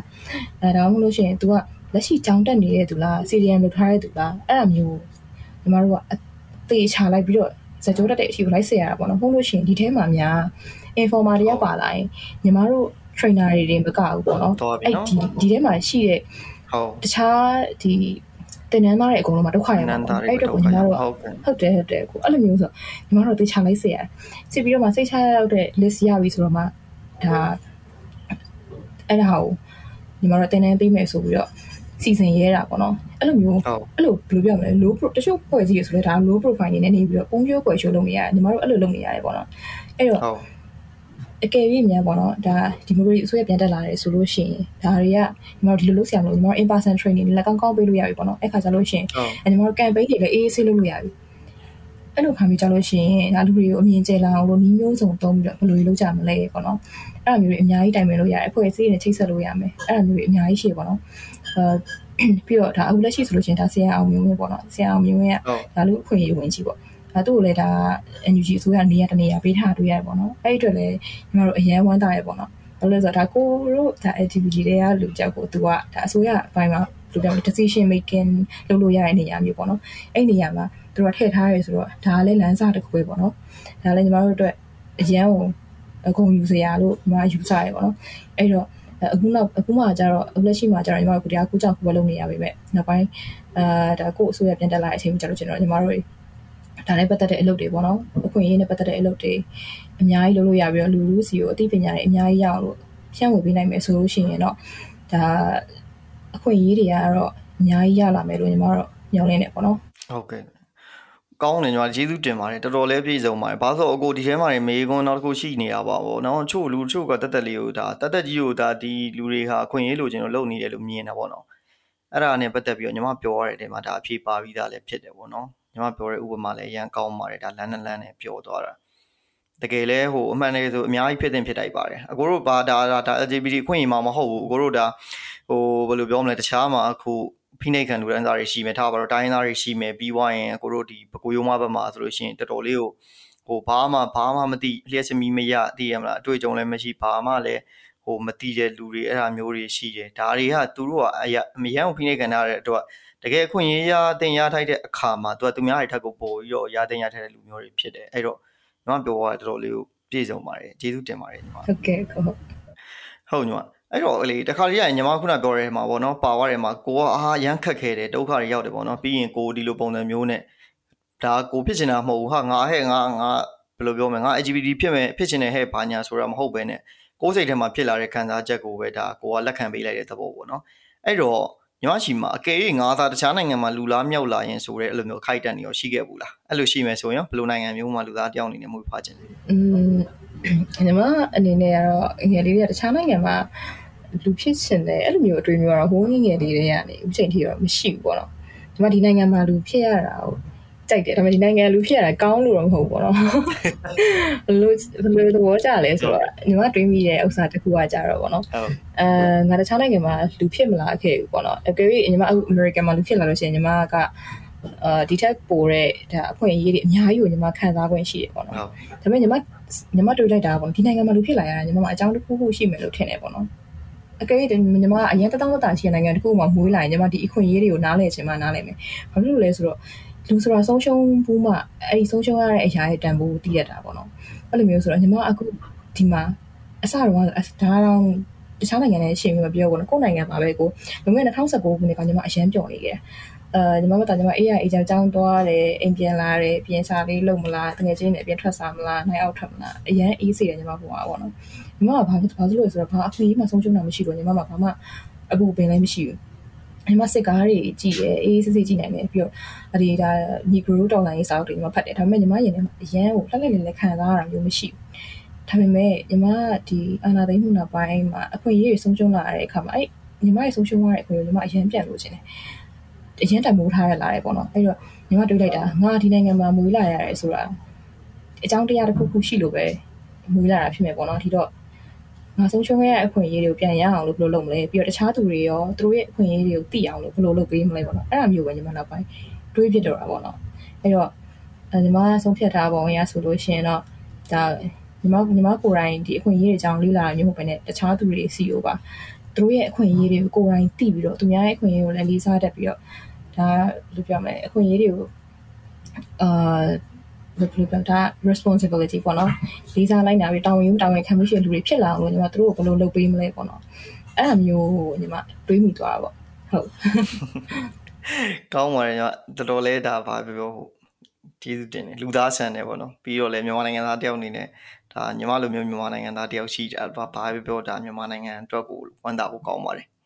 ဘာလို့ကိုနိုင်ငံမှာကိုဒါအာငါ reason တစ်ခုရှိလို့ပေါ့နော်အကြောင်းပြချက်တစ်ခုရှိလို့ငါဒီနိုင်ငံမွေးဖွားလာတာအဲ့တော့ငါလောက်ဆရာရှိရလောက်ရမယ်ဆိုတဲ့တာဝန်မှုမျိုးပေါ့နော်လူကြီးတွေမှလည်းအများကြီးရှိရင်တော့ရန်ကောင်းတာ哦 Okay အဲ့တော့လေခုနကညီမပြောရတယ်မှာပါသွားတယ်အကဲဒါတော်လိုင်းဒါအောင်မြင်မယ်ဆိုလို့ရှင်ပေါ့နော်ဒါ LGBT ခွင့်ရေးပေါ်မှာအများကြီးတက်ရောက်မှုထိထိရောက်ရှိမယ်အကဲ၍အကဲ၍ပေါ့နော်တော်လိုင်းကမအောင်မှုဆိုလို့ရှင် LGBT ခွင့်ရေးမှာဘယ်လောက်ထိဆိုးဆိုးဝါးဝါးတွေတက်ရောက်မှုရှိနိုင်လဲ မတွေးရစရာပဲပေါ့နော်တလိုက်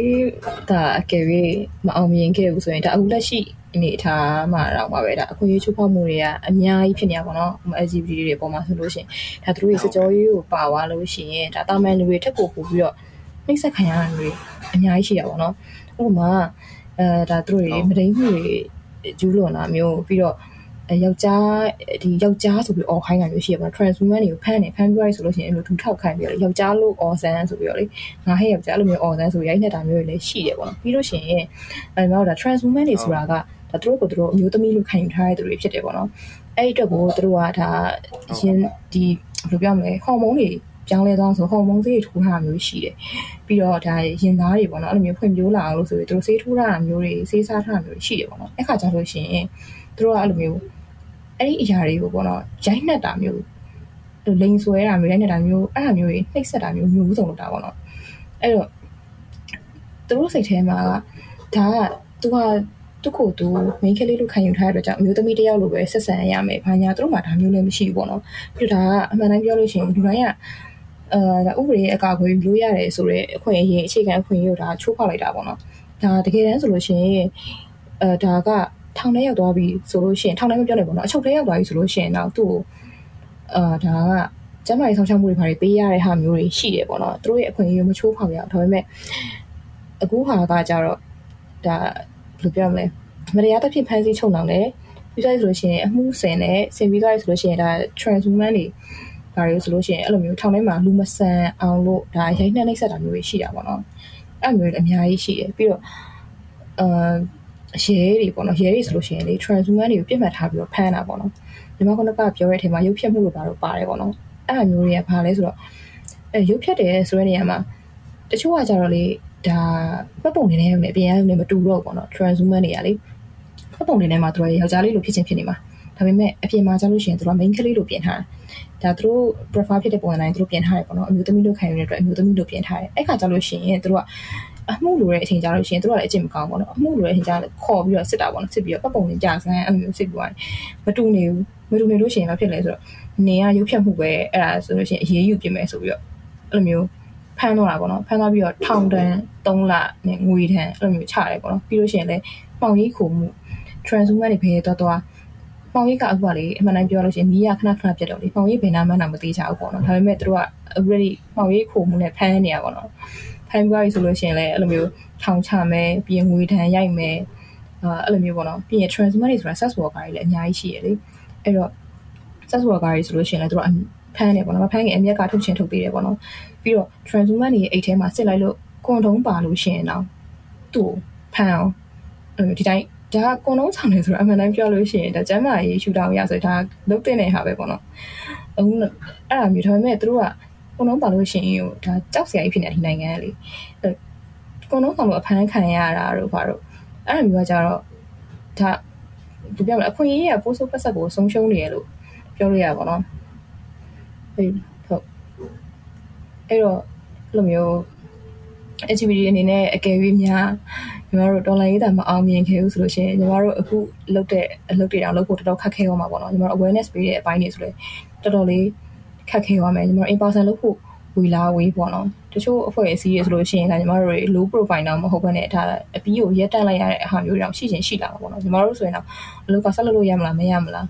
မတေချာတဲ့အခြေအနေတွေတော့ဖြစ်လာနိုင်တယ်ပေါ့နော်ဘာလို့လဲဆိုတော့ဒါညီမတို့က NGO တွေအနေနဲ့ဆိုလို့ရှိရင်ဒါဒူနာတွေလည်းရှိရလေဒီနိုင်ငံညာကပေးတဲ့ဟာဆိုတော့တချို့ဟာတွေဆိုလို့ရှိရင်လည်းဒါအာဖြတ်သိမ်းလိုက်ရတဲ့ဟာမျိုးအဲ့ဒါမျိုးတော့မလို့ရှိရင်လည်းမဲဆောက်ကို ပဲဖြစ်ပေါ့နော်အဲ့လိုတခြားနိုင်ငံကိုရွှေ့သွားတဲ့ NGO တွေလည်းအများကြီးရှိတာပေါ့နော်ဒါပေမဲ့ညီမတို့လိုမျိုးအာတနိုင်တစ်ပိုင်းလုပ်တဲ့သူမျိုးတွေကြတော့ရေရှည်ဆက်လုပ်ဖို့ဘယ်လိုမှအဆင်ပြေမှာမဟုတ်ဘူးပေါ့နော်အဲ့ခါကြလို့ရှိရင်တော့အခွင့်အရေးကိုညီမတို့တောင်းဆိုဖို့ဆိုတာကအာပြီးတော့ဒီအခွင့်အရေးကိုသိလာအောင်လူတွေလူတွေပေါ့နော်အခွင့်အရေးသိလာအောင်လို့ညီမတို့လုပ်ပေးဖို့ဆိုတာကတော်တော်လေးကိုခက်ခဲသွားမယ်လို့ထင်တယ်ပေါ့နော်ဟုတ်ကျေးဇူးတင်ပါညီမဘာလို့ဆိုတော့ညီမပြောလိုက်တော့ပို့ပြီးပြည်စုံသွားတာပေါ့လူတွေကလက်ရှိမှာကိုဟိုဘယ်လိုပြောမလဲတိတ် ဟိုတိတ်ပြီးတော့ဟိုအနာဂတ်နဲ့ပတ်သက်ပြီးတော့တိတ်တွေးတွေတွေးထားမှရှိပေါ့နော်အကယ်၍သာ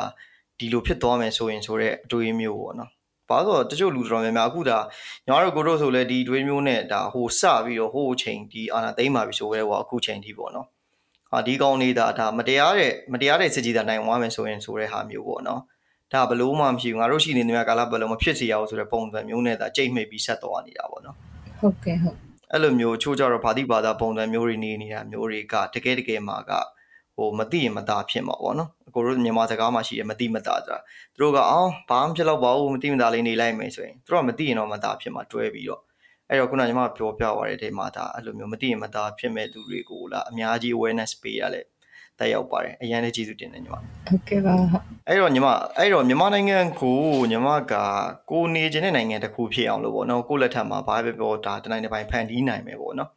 အဲ့လိုမျိုးဖန်တီးနိုင်မယ်ဆိုလို့ရှိရင်ရောဘယ်လိုပုံစံမျိုးနဲ့ဘယ်လိုအခန်းကဏ္ဍနဲ့ပါဝင်အားဖြစ်မလဲညီမอืมညီမကကြတော့အမ်ဘယ်နေရာနေပါဝင်ခြင်းလဲဆိုလို့ရှိရင်တော့အခုညီမလက်ရှိလုပ်နေတဲ့အပိုင်းပဲပေါ့နော်အသိပညာပေးတဲ့အပိုင်းအဲ့ကနေပြီးတော့ပဲစကြင်တာ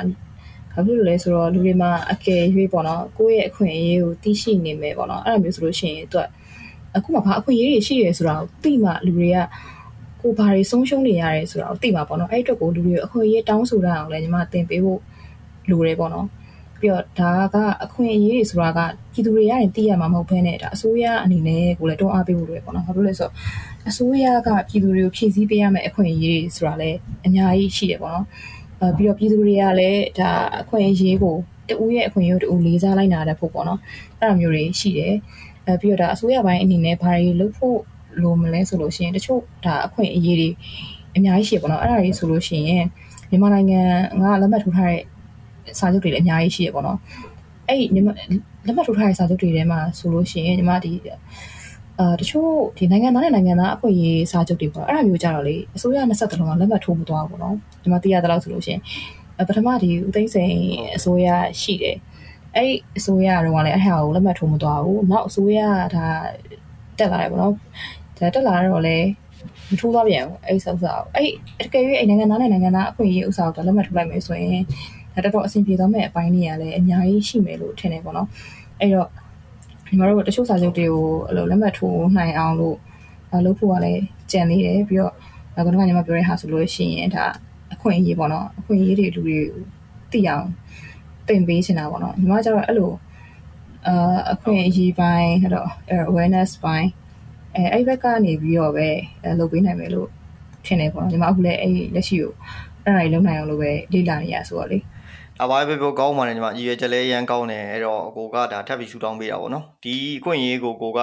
တိလောက်အောင်အဲအခွင့်အရေးကိုသူတို့တောင်းဆိုတတ်လောက်အောင်ကိုကပြောပြတင်ပြတဲ့လူကနေပြီးတော့အခွင့်အရေးကိုကိုယ်တိုင်ဖန်တီးပေးနိုင်တဲ့လူအဖြစ်ကိုရောက်ပါသေးလို့ဒါကိုကထပ်ပြီးတော့ထပ်လောင်းဆူတောင်းပေးရပါโอเคပါဟုတ်ကြိုးစားပါညီမဖြစ်နိုင်ပါတယ်နော်ဘာလို့မဖြစ်နိုင်ပါလဲနော်ဟုတ်တယ်အဲ့တော့ညီမ အခုတော်လိုင်းနဲ့ပတ်သက်ပြီးတော့ကိုကဘယ်လိုဘယ်လိုမျိုးပေါ့နော်တော်လိုင်းအခြေအနေနဲ့ပတ်သက်ပြီးတော့ဘာတွေမျှော်လင့်ထားလဲဘယ်လိုပုံစံမျိုးနဲ့အဲအောင်မြင်သွားမယ်လို့ထင်အာဖြစ်ဆိုလို့ရှိရင်ညီမကအဲ့နိုင်ငံရေးကိစ္စတွေနဲ့ပတ်သက်ပြီးတော့ကြတော့တိတ်ပြီးတော့အမ်ဘယ်လိုပြောမလဲအဲတွေးတဲ့တော့တတ်တဲ့အထဲမှာတော့မပါဘူးပေါ့နော်ဒါပေမဲ့ညီမဒီဒေါ်လာရင်းကိုဘယ်လိုမျိုးပြီးသွားစေချင်လဲဆိုလို့ရှိရင်ညီမဖြစ်နိုင်လို့ရှိရင်အာမထီးကြိုက်ဖဲနဲ့ ပြီးသွားစေချင်တာပေါ့နော်ဒါပေမဲ့လည်းဒါကမဖြစ်နိုင်ဘူးလေနော်မထီးကြိုက်ဖဲနဲ့ဆိုတာညီမကြောင့်အဲ့လိုတွေးထွက်တန်ယူတွေဖြစ်တာကိုသိပြီးတော့မကြိုက်ဘူးပေါ့နော်ဘူးဆိုလို့ရှိရင်တချို့နဲ့တချို့ကြားထဲမှာလည်းအဖွဲ့အစည်းချင်းချင်းကြားထဲမှာတော့မှပဲအာဘယ်လိုပြောမလဲတွေးကွဲတာလားအဲ့လိုသဘောထားကွဲလဲမှုပေါ့နော်သဘောထားကွဲလဲမှုတွေကရှိလာနေတယ်ပေါ့နော်ပြီးတော့တချို့ကကြတော့တချို့ဒေါ်လာအင်အားစုတွေကအာဒီလက်နက်ကင်နေတဲ့သူတွေကပေါ့နော် NUG အစိုးရကို မယုံကြည်ကြတော့တာမျိုးတွေလည်းရှိတယ်အဲအဲ့မျိုးလည်းရှိတာပေါ့နော်ပြီးတော့လက်နက်ကင်အချင်းချင်းကြားထဲမှာတော့မှပဲတွေးကွဲတာတွေလည်းရှိနေညီမကတော့အဲ့အမျိုးတွေကိုမနိုင်ပြရင်ဖြစ်မလာစေချင်ပေါ့နော်ဒါပေမဲ့ဖြစ်လာရဲဆိုတာလည်းသူတို့မဖာအကြောင်းရင်းတွေရှိလဲတော့ညီမလည်းသိချာမသိဘူးပေါ့နော်ဒါပေမဲ့နွားကွဲရင်ကြွားကြားဆွဲမှာပေါ့နော်ကြားဆွဲမယ်ဆိုတဲ့စကားတိုင်းအဲ့ဟာကဒါဟိုဘက်ရဲ့ကိုဘက်ကအဲဘယ်လိုပြောမလဲတွေးကွဲတာတစ်ဖက်ရန်သူရဲ့အားသာချက်လည်းဖြစ်သွားနိုင်တယ်လေအဲ့လိုမျိုးဆိုတော့ဒါညီမကကျတော့ ဖြစ်နိုင်ဖြစ်နိုင်လို့ရှိရင်ပေါ့နော်အထီးခိုက်မရှိဘဲနဲ့အဆုံးသတ်စေချင်တာပေါ့ဒါပေမဲ့ဒါကလည်းမဖြစ်နိုင်ဘူးပေါ့ဘာဖြစ်လို့လဲဆိုတော့တစ်ဖက်ကလည်းဒါအဆုံးထိလုံးမယ်ဆိုပြီးတော့ရည်ရွယ်ထားတဲ့ပုံပဲပေါ့နော်ကြည့်ရတာအဲပြောတယ်ပြောတဲ့စကားရှိရလေချောင်ပေးရိုက်ခံရတဲ့ခွေးကပြန်ကြိုက်မှာဆိုတာ तू ကဘလို့မှဆက်သွားလို့မရတော့ပေါ့နော်ဒါလမ်းဆုံးနေပြီပြောမယ်ဆိုလို့ရှိရင်အဲ့ဒီစစ်ကောင်စီဘက်ကပေါ့နော်သူကအဆုံးထိလောက်ထားပြီးသွားပြီဘာလို့လဲဆိုတော့သူချိုးပေါက်ထားတဲ့အခွင့်အရေးလည်းအများကြီးပဲထားလို့ဒီဘိုင်းနဲ့တည်တယ်ဂျီနိုဆိုက်လည်းကျူးလွန်ခဲ့တယ် အများကြီးပဲပေါ့နော်ပြီးလူမျိုးတုံးတက်ဖြတ်မှုတွေသူအများကြီးလုပ်ခဲ့တာအဲ့ဒါပဲသူအများကြီးကျူးလွန်ခဲ့တယ်အဲ့အတွက်ကိုစစ်ရာဇဝတ်မှုလည်းကျူးလွန်ခဲ့တယ်အဲ့အတွက်ကိုတပ်သေးတွေကအများကြီးကိုစုမိနေပြီးသွားပြီပေါ့နော်အများကြီးစုမိနေပြီးသွားပြီးတော့အဲ့ဒါတွေကိုလည်းတရားရုံးတွေကိုနိုင်ငံတကာတရားရုံးတွေကိုတင်ဖို့လည်းလုပ်နေရမျိုးတွေလည်းရှိတာပေါ့နော်အဲ့အတွက်ကိုသူကဒါတော့မှသူကအဲ့အမျိုးလောက်ခံနေရသူတိတယ်တိရအောင်သူမရက်တန်သွားဘူးဒါပေမဲ့ညီမစဉ်းစားတာပေါ့နော် သူကလို့မရက်တန်သွားတယ်တကယ်ဆိုလို့ရှိရင်ဒီလောက်ဆိုတော်လောက်တော်လောက်တင်ပြီပေါ့နော်ဘာလို့မရက်တန်သွားတာလဲဆိုတော့ညီမထင်တဲ့ဥစ္စာဆိုရင် तू ကအဆုံးထိဆက်တိုးတော့မယ်လို့ပဲညီမတွေးမိတာပေါ့နော်ညီမတို့ကပြောသလိုပဲကြောင်ပရိတ်ခံရတဲ့ခွေကပြန်ကြိုက်တယ်ဆိုတဲ့ဥစ္စာမျိုး तू အဆုံးထိဆက်သွားမယ်လို့ပဲဆုံးဖြတ်ထားတယ်လို့ထင်တယ်အဲ့တော့ညီမတို့ကဒါလက်နဲ့မကင်ပဲနဲ့ငြင်းချင်းချင်းတော့ပြီးသွားလိမ့်မယ်လို့တော့မထင်ဘူးပေါ့နော် ဟုတ်ကဲ့ညီမအဲတော့ညီမပြောချင်တာအဓိကတော့ကိုဘက်ကပေါ့နော်တစ်ဖက်ကလည်းကြောင်ပိတ်နေတဲ့ခွေးဖြစ်နေပြီကိုဘက်ကလည်းရိုင်းမဲ့သူတွေကစီစီလုံးလုံးရိုက်ဖို့လိုတယ်ပေါ့နော်တယောက်နဲ့တယောက်ဒါသွေးမကွဲပဲနဲ့တေချာတဏိလက်နီနဲ့ရိုက်လို့ရှင်လေဒါဘာပဲပြောပြောအဆင်ပြေသွားမယ်ပေါ့နော်ဟုတ်တယ်ကိုဟုတ်အဲ့တော့ညီမအဲ့တော့ညီမအနေနဲ့ဒီလက်ရှိမှာပေါ့နော်ဘယ်လိုပုံစံမျိုးနဲ့ရှေ့ဆက်သွားမယ်ညီမပြောပြချင်တာလေးရှိရင်လည်းမျှဝေပေးပါဦးအမ်ဘယ်လိုပုံစံမျိုးနဲ့ရှေ့ဆက်သွားမလဲဆိုတော့က အာညီမကလောဆယ်ဆိုလို့ရှိရင်ဒါကအခုကျဥမာ trainer life ကညီမ trainer life ကဥမာစားတာပေါ့နော်အရင်တော့ကျတော့ဒါကိုအများကြီးလုပ်ပေးနိုင်အောင်လို့ဆိုပြီးတော့ညီမတင်နန်းနေတက်တယ်တင်နန်းတက်တယ်ဆိုတာတကယ်တမ်းပြောမယ်ဆိုလို့ရှိရင်ညီမ engineering field တွေရလို့ပေါ့နော်ညီမတကယ်တော့ဒီအကြောင်းတွေညီမဘာမှမသိဘူးတကယ်ကိုနိုင်ငံရေးဆိုလည်းညီမတကယ်ကိုစိတ်ဝင်စားဘာမှမသိဘူးအခွင့်အရေးဆိုတော့လည်းညီမတကယ်မသိခဲ့ဘူးဥပဒေအကြောင်းဆိုတာညီမတို့ကအရန်အလှမ်းဝေးတယ်ပေါ့အရင်တော့အဲ့လိုဆိုညီမတစ်ချိန်လုံး ဒီတိုက်တလုံးဘယ်လိုစောက်ရမလဲခါညာပဲညီမတစ်ချိန်လုံးအဲ့စာတွေပဲညီမသင်ခဲ့ရတာဘူးဒါပေမဲ့ညီမနောက်ပိုင်းကျတော့ဒီတိုင်းနေလုံးဖြစ်တော့ဘူးကိုကတက်နိုင်တဲ့ဘက်ကတက်နိုင်တဲ့လောက်လုံးမရတော့မယ်ပေါ့နော်ကိုကဟုတ်တယ်တော်ရဲဝင်လို့မရဘူးခြေတော့မကောင်းအဲ့အတွက်ကိုငါဒီမှာကြံနေခဲ့တယ်မြို့ပေါ်မှာကြံနေခဲ့တယ်အဲ့တော့ဘာလို့မလဲတက်နိုင်တဲ့လောက်လုပ်ရမယ်ပေါ့နော်အဲ့အတွက်ကိုပဲစဉ်းစားပြီးတော့ကျွန်တော်တင်ရနေလျှောက်တတ်တယ်တက်ပြီးရဆိုလို့ရှိရင် အာဒီတငယ်ချင်းနေနေပေါ့နော်တငယ်ချင်းတွေပြောပြရမျိုးရှိတယ်ပြီးတော့ဒီမှာတန်နေထန်တကူချလိုက်တာပေါ့နော်ငါ trainer ဖြစ်လာရမယ်အဲ့လိုမျိုးတန်နေထန်ချလိုက်တယ်ဒါပေမဲ့အဲညီမအဲ့စားလေးလာပြီးတော့နောက်တစ်နှစ်ပေါ့နော်တစ်နှစ်ကြာတဲ့အချိန်မှာညီမအဲ့ဆိုကြီးရဲ့စီလေးလာပြီးတစ်နှစ်ကြာတဲ့အခုအချိန်မှာညီမ trainer ဖြစ်လာတာပေါ့နော် trainer ဖြစ်လာရဲဆိုတော့နောက်ပိုင်းကျလို့ရှိရင်လည်းညီမညီမရဲ့ skill တွေကိုညီမကဒီထက်ပိုပြီးတော့ပေါ့နော်အာညီမဖြစ်စင်တဲ့ trainer မျိုးကဘယ်လိုလဲဆိုတော့ တင်နန်းသားဘာမေးမေးပေါ့နော်သူသိချင်တဲ့ဟာတွေအကုန်လုံးညီမကိုကြိုက်တဲ့လောက်ပဲညီမကလည်းရှုထောင့်ပေါင်းတော့ရှင်းပြနိုင်တဲ့အရန်တော်ရသူတယောက်ဖြစ်လာစေတာပေါ့နော်အဲ့ဒီအတွက်ကိုလည်းညီမအခုတရား moment နဲ့တင်နန်းတွေအများကြီးလဲထပ်ပြီးတော့တက်ဖို့ရှိတယ် legal ဘိုင်းနဲ့ပတ်သက်ပြီးလေ့လာဖို့အများကြီးရှိတာပေါ့နော်အဲ့တော့အဲ့ဒါတွေအကုန်လုံးလေ့လာပြီးတော့ညီမတကယ်ကို perfect ဖြစ်တဲ့ trainer တယောက်ဖြစ်လာအောင်လို့ကြိုးစားမယ်လို့အာစဉ်းစားထားရှိရပြီးလို့ရှိရင်အာညီမဒီ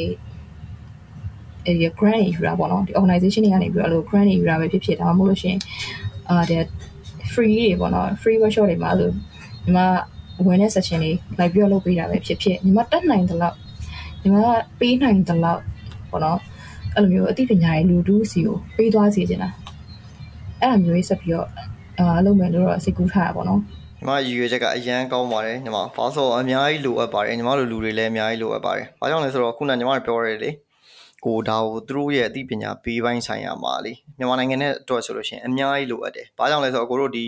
ဒေါ်လာရင်းဆိုရလက်ထက်မတိုင်ခင်ပေါ့နော်ကျွန်တော်တို့ဒေါ်လာစစ်ကြီးဆိုရလက်ထက်မှာလည်းပညာရေးပိုင်းနဲ့ပတ်သက်ပြီးတော့အရန်အားနေခဲ့တယ်လို့မြင်တာပေါ့နော်လူခွင့်ပိုင်းဆိုင်ရာနဲ့ပတ်သက်ပြီးတော့ဟိုပညာရေးပေးတဲ့ဟာတွေပင်ဒီမိုရေစီနဲ့ပတ်သက်ပြီးတော့ဒီပညာရေးပညာပေးတဲ့ session တွေပေါ့နော်အရန်အားနေခဲ့တာလို့မြင်တယ်စတော့စနေပြီတိုးပေမဲ့တိုက်ထိုက်တဲ့အတိုင်းတာတကူကိုရောက်မတော့ဘူးပေါ့နော်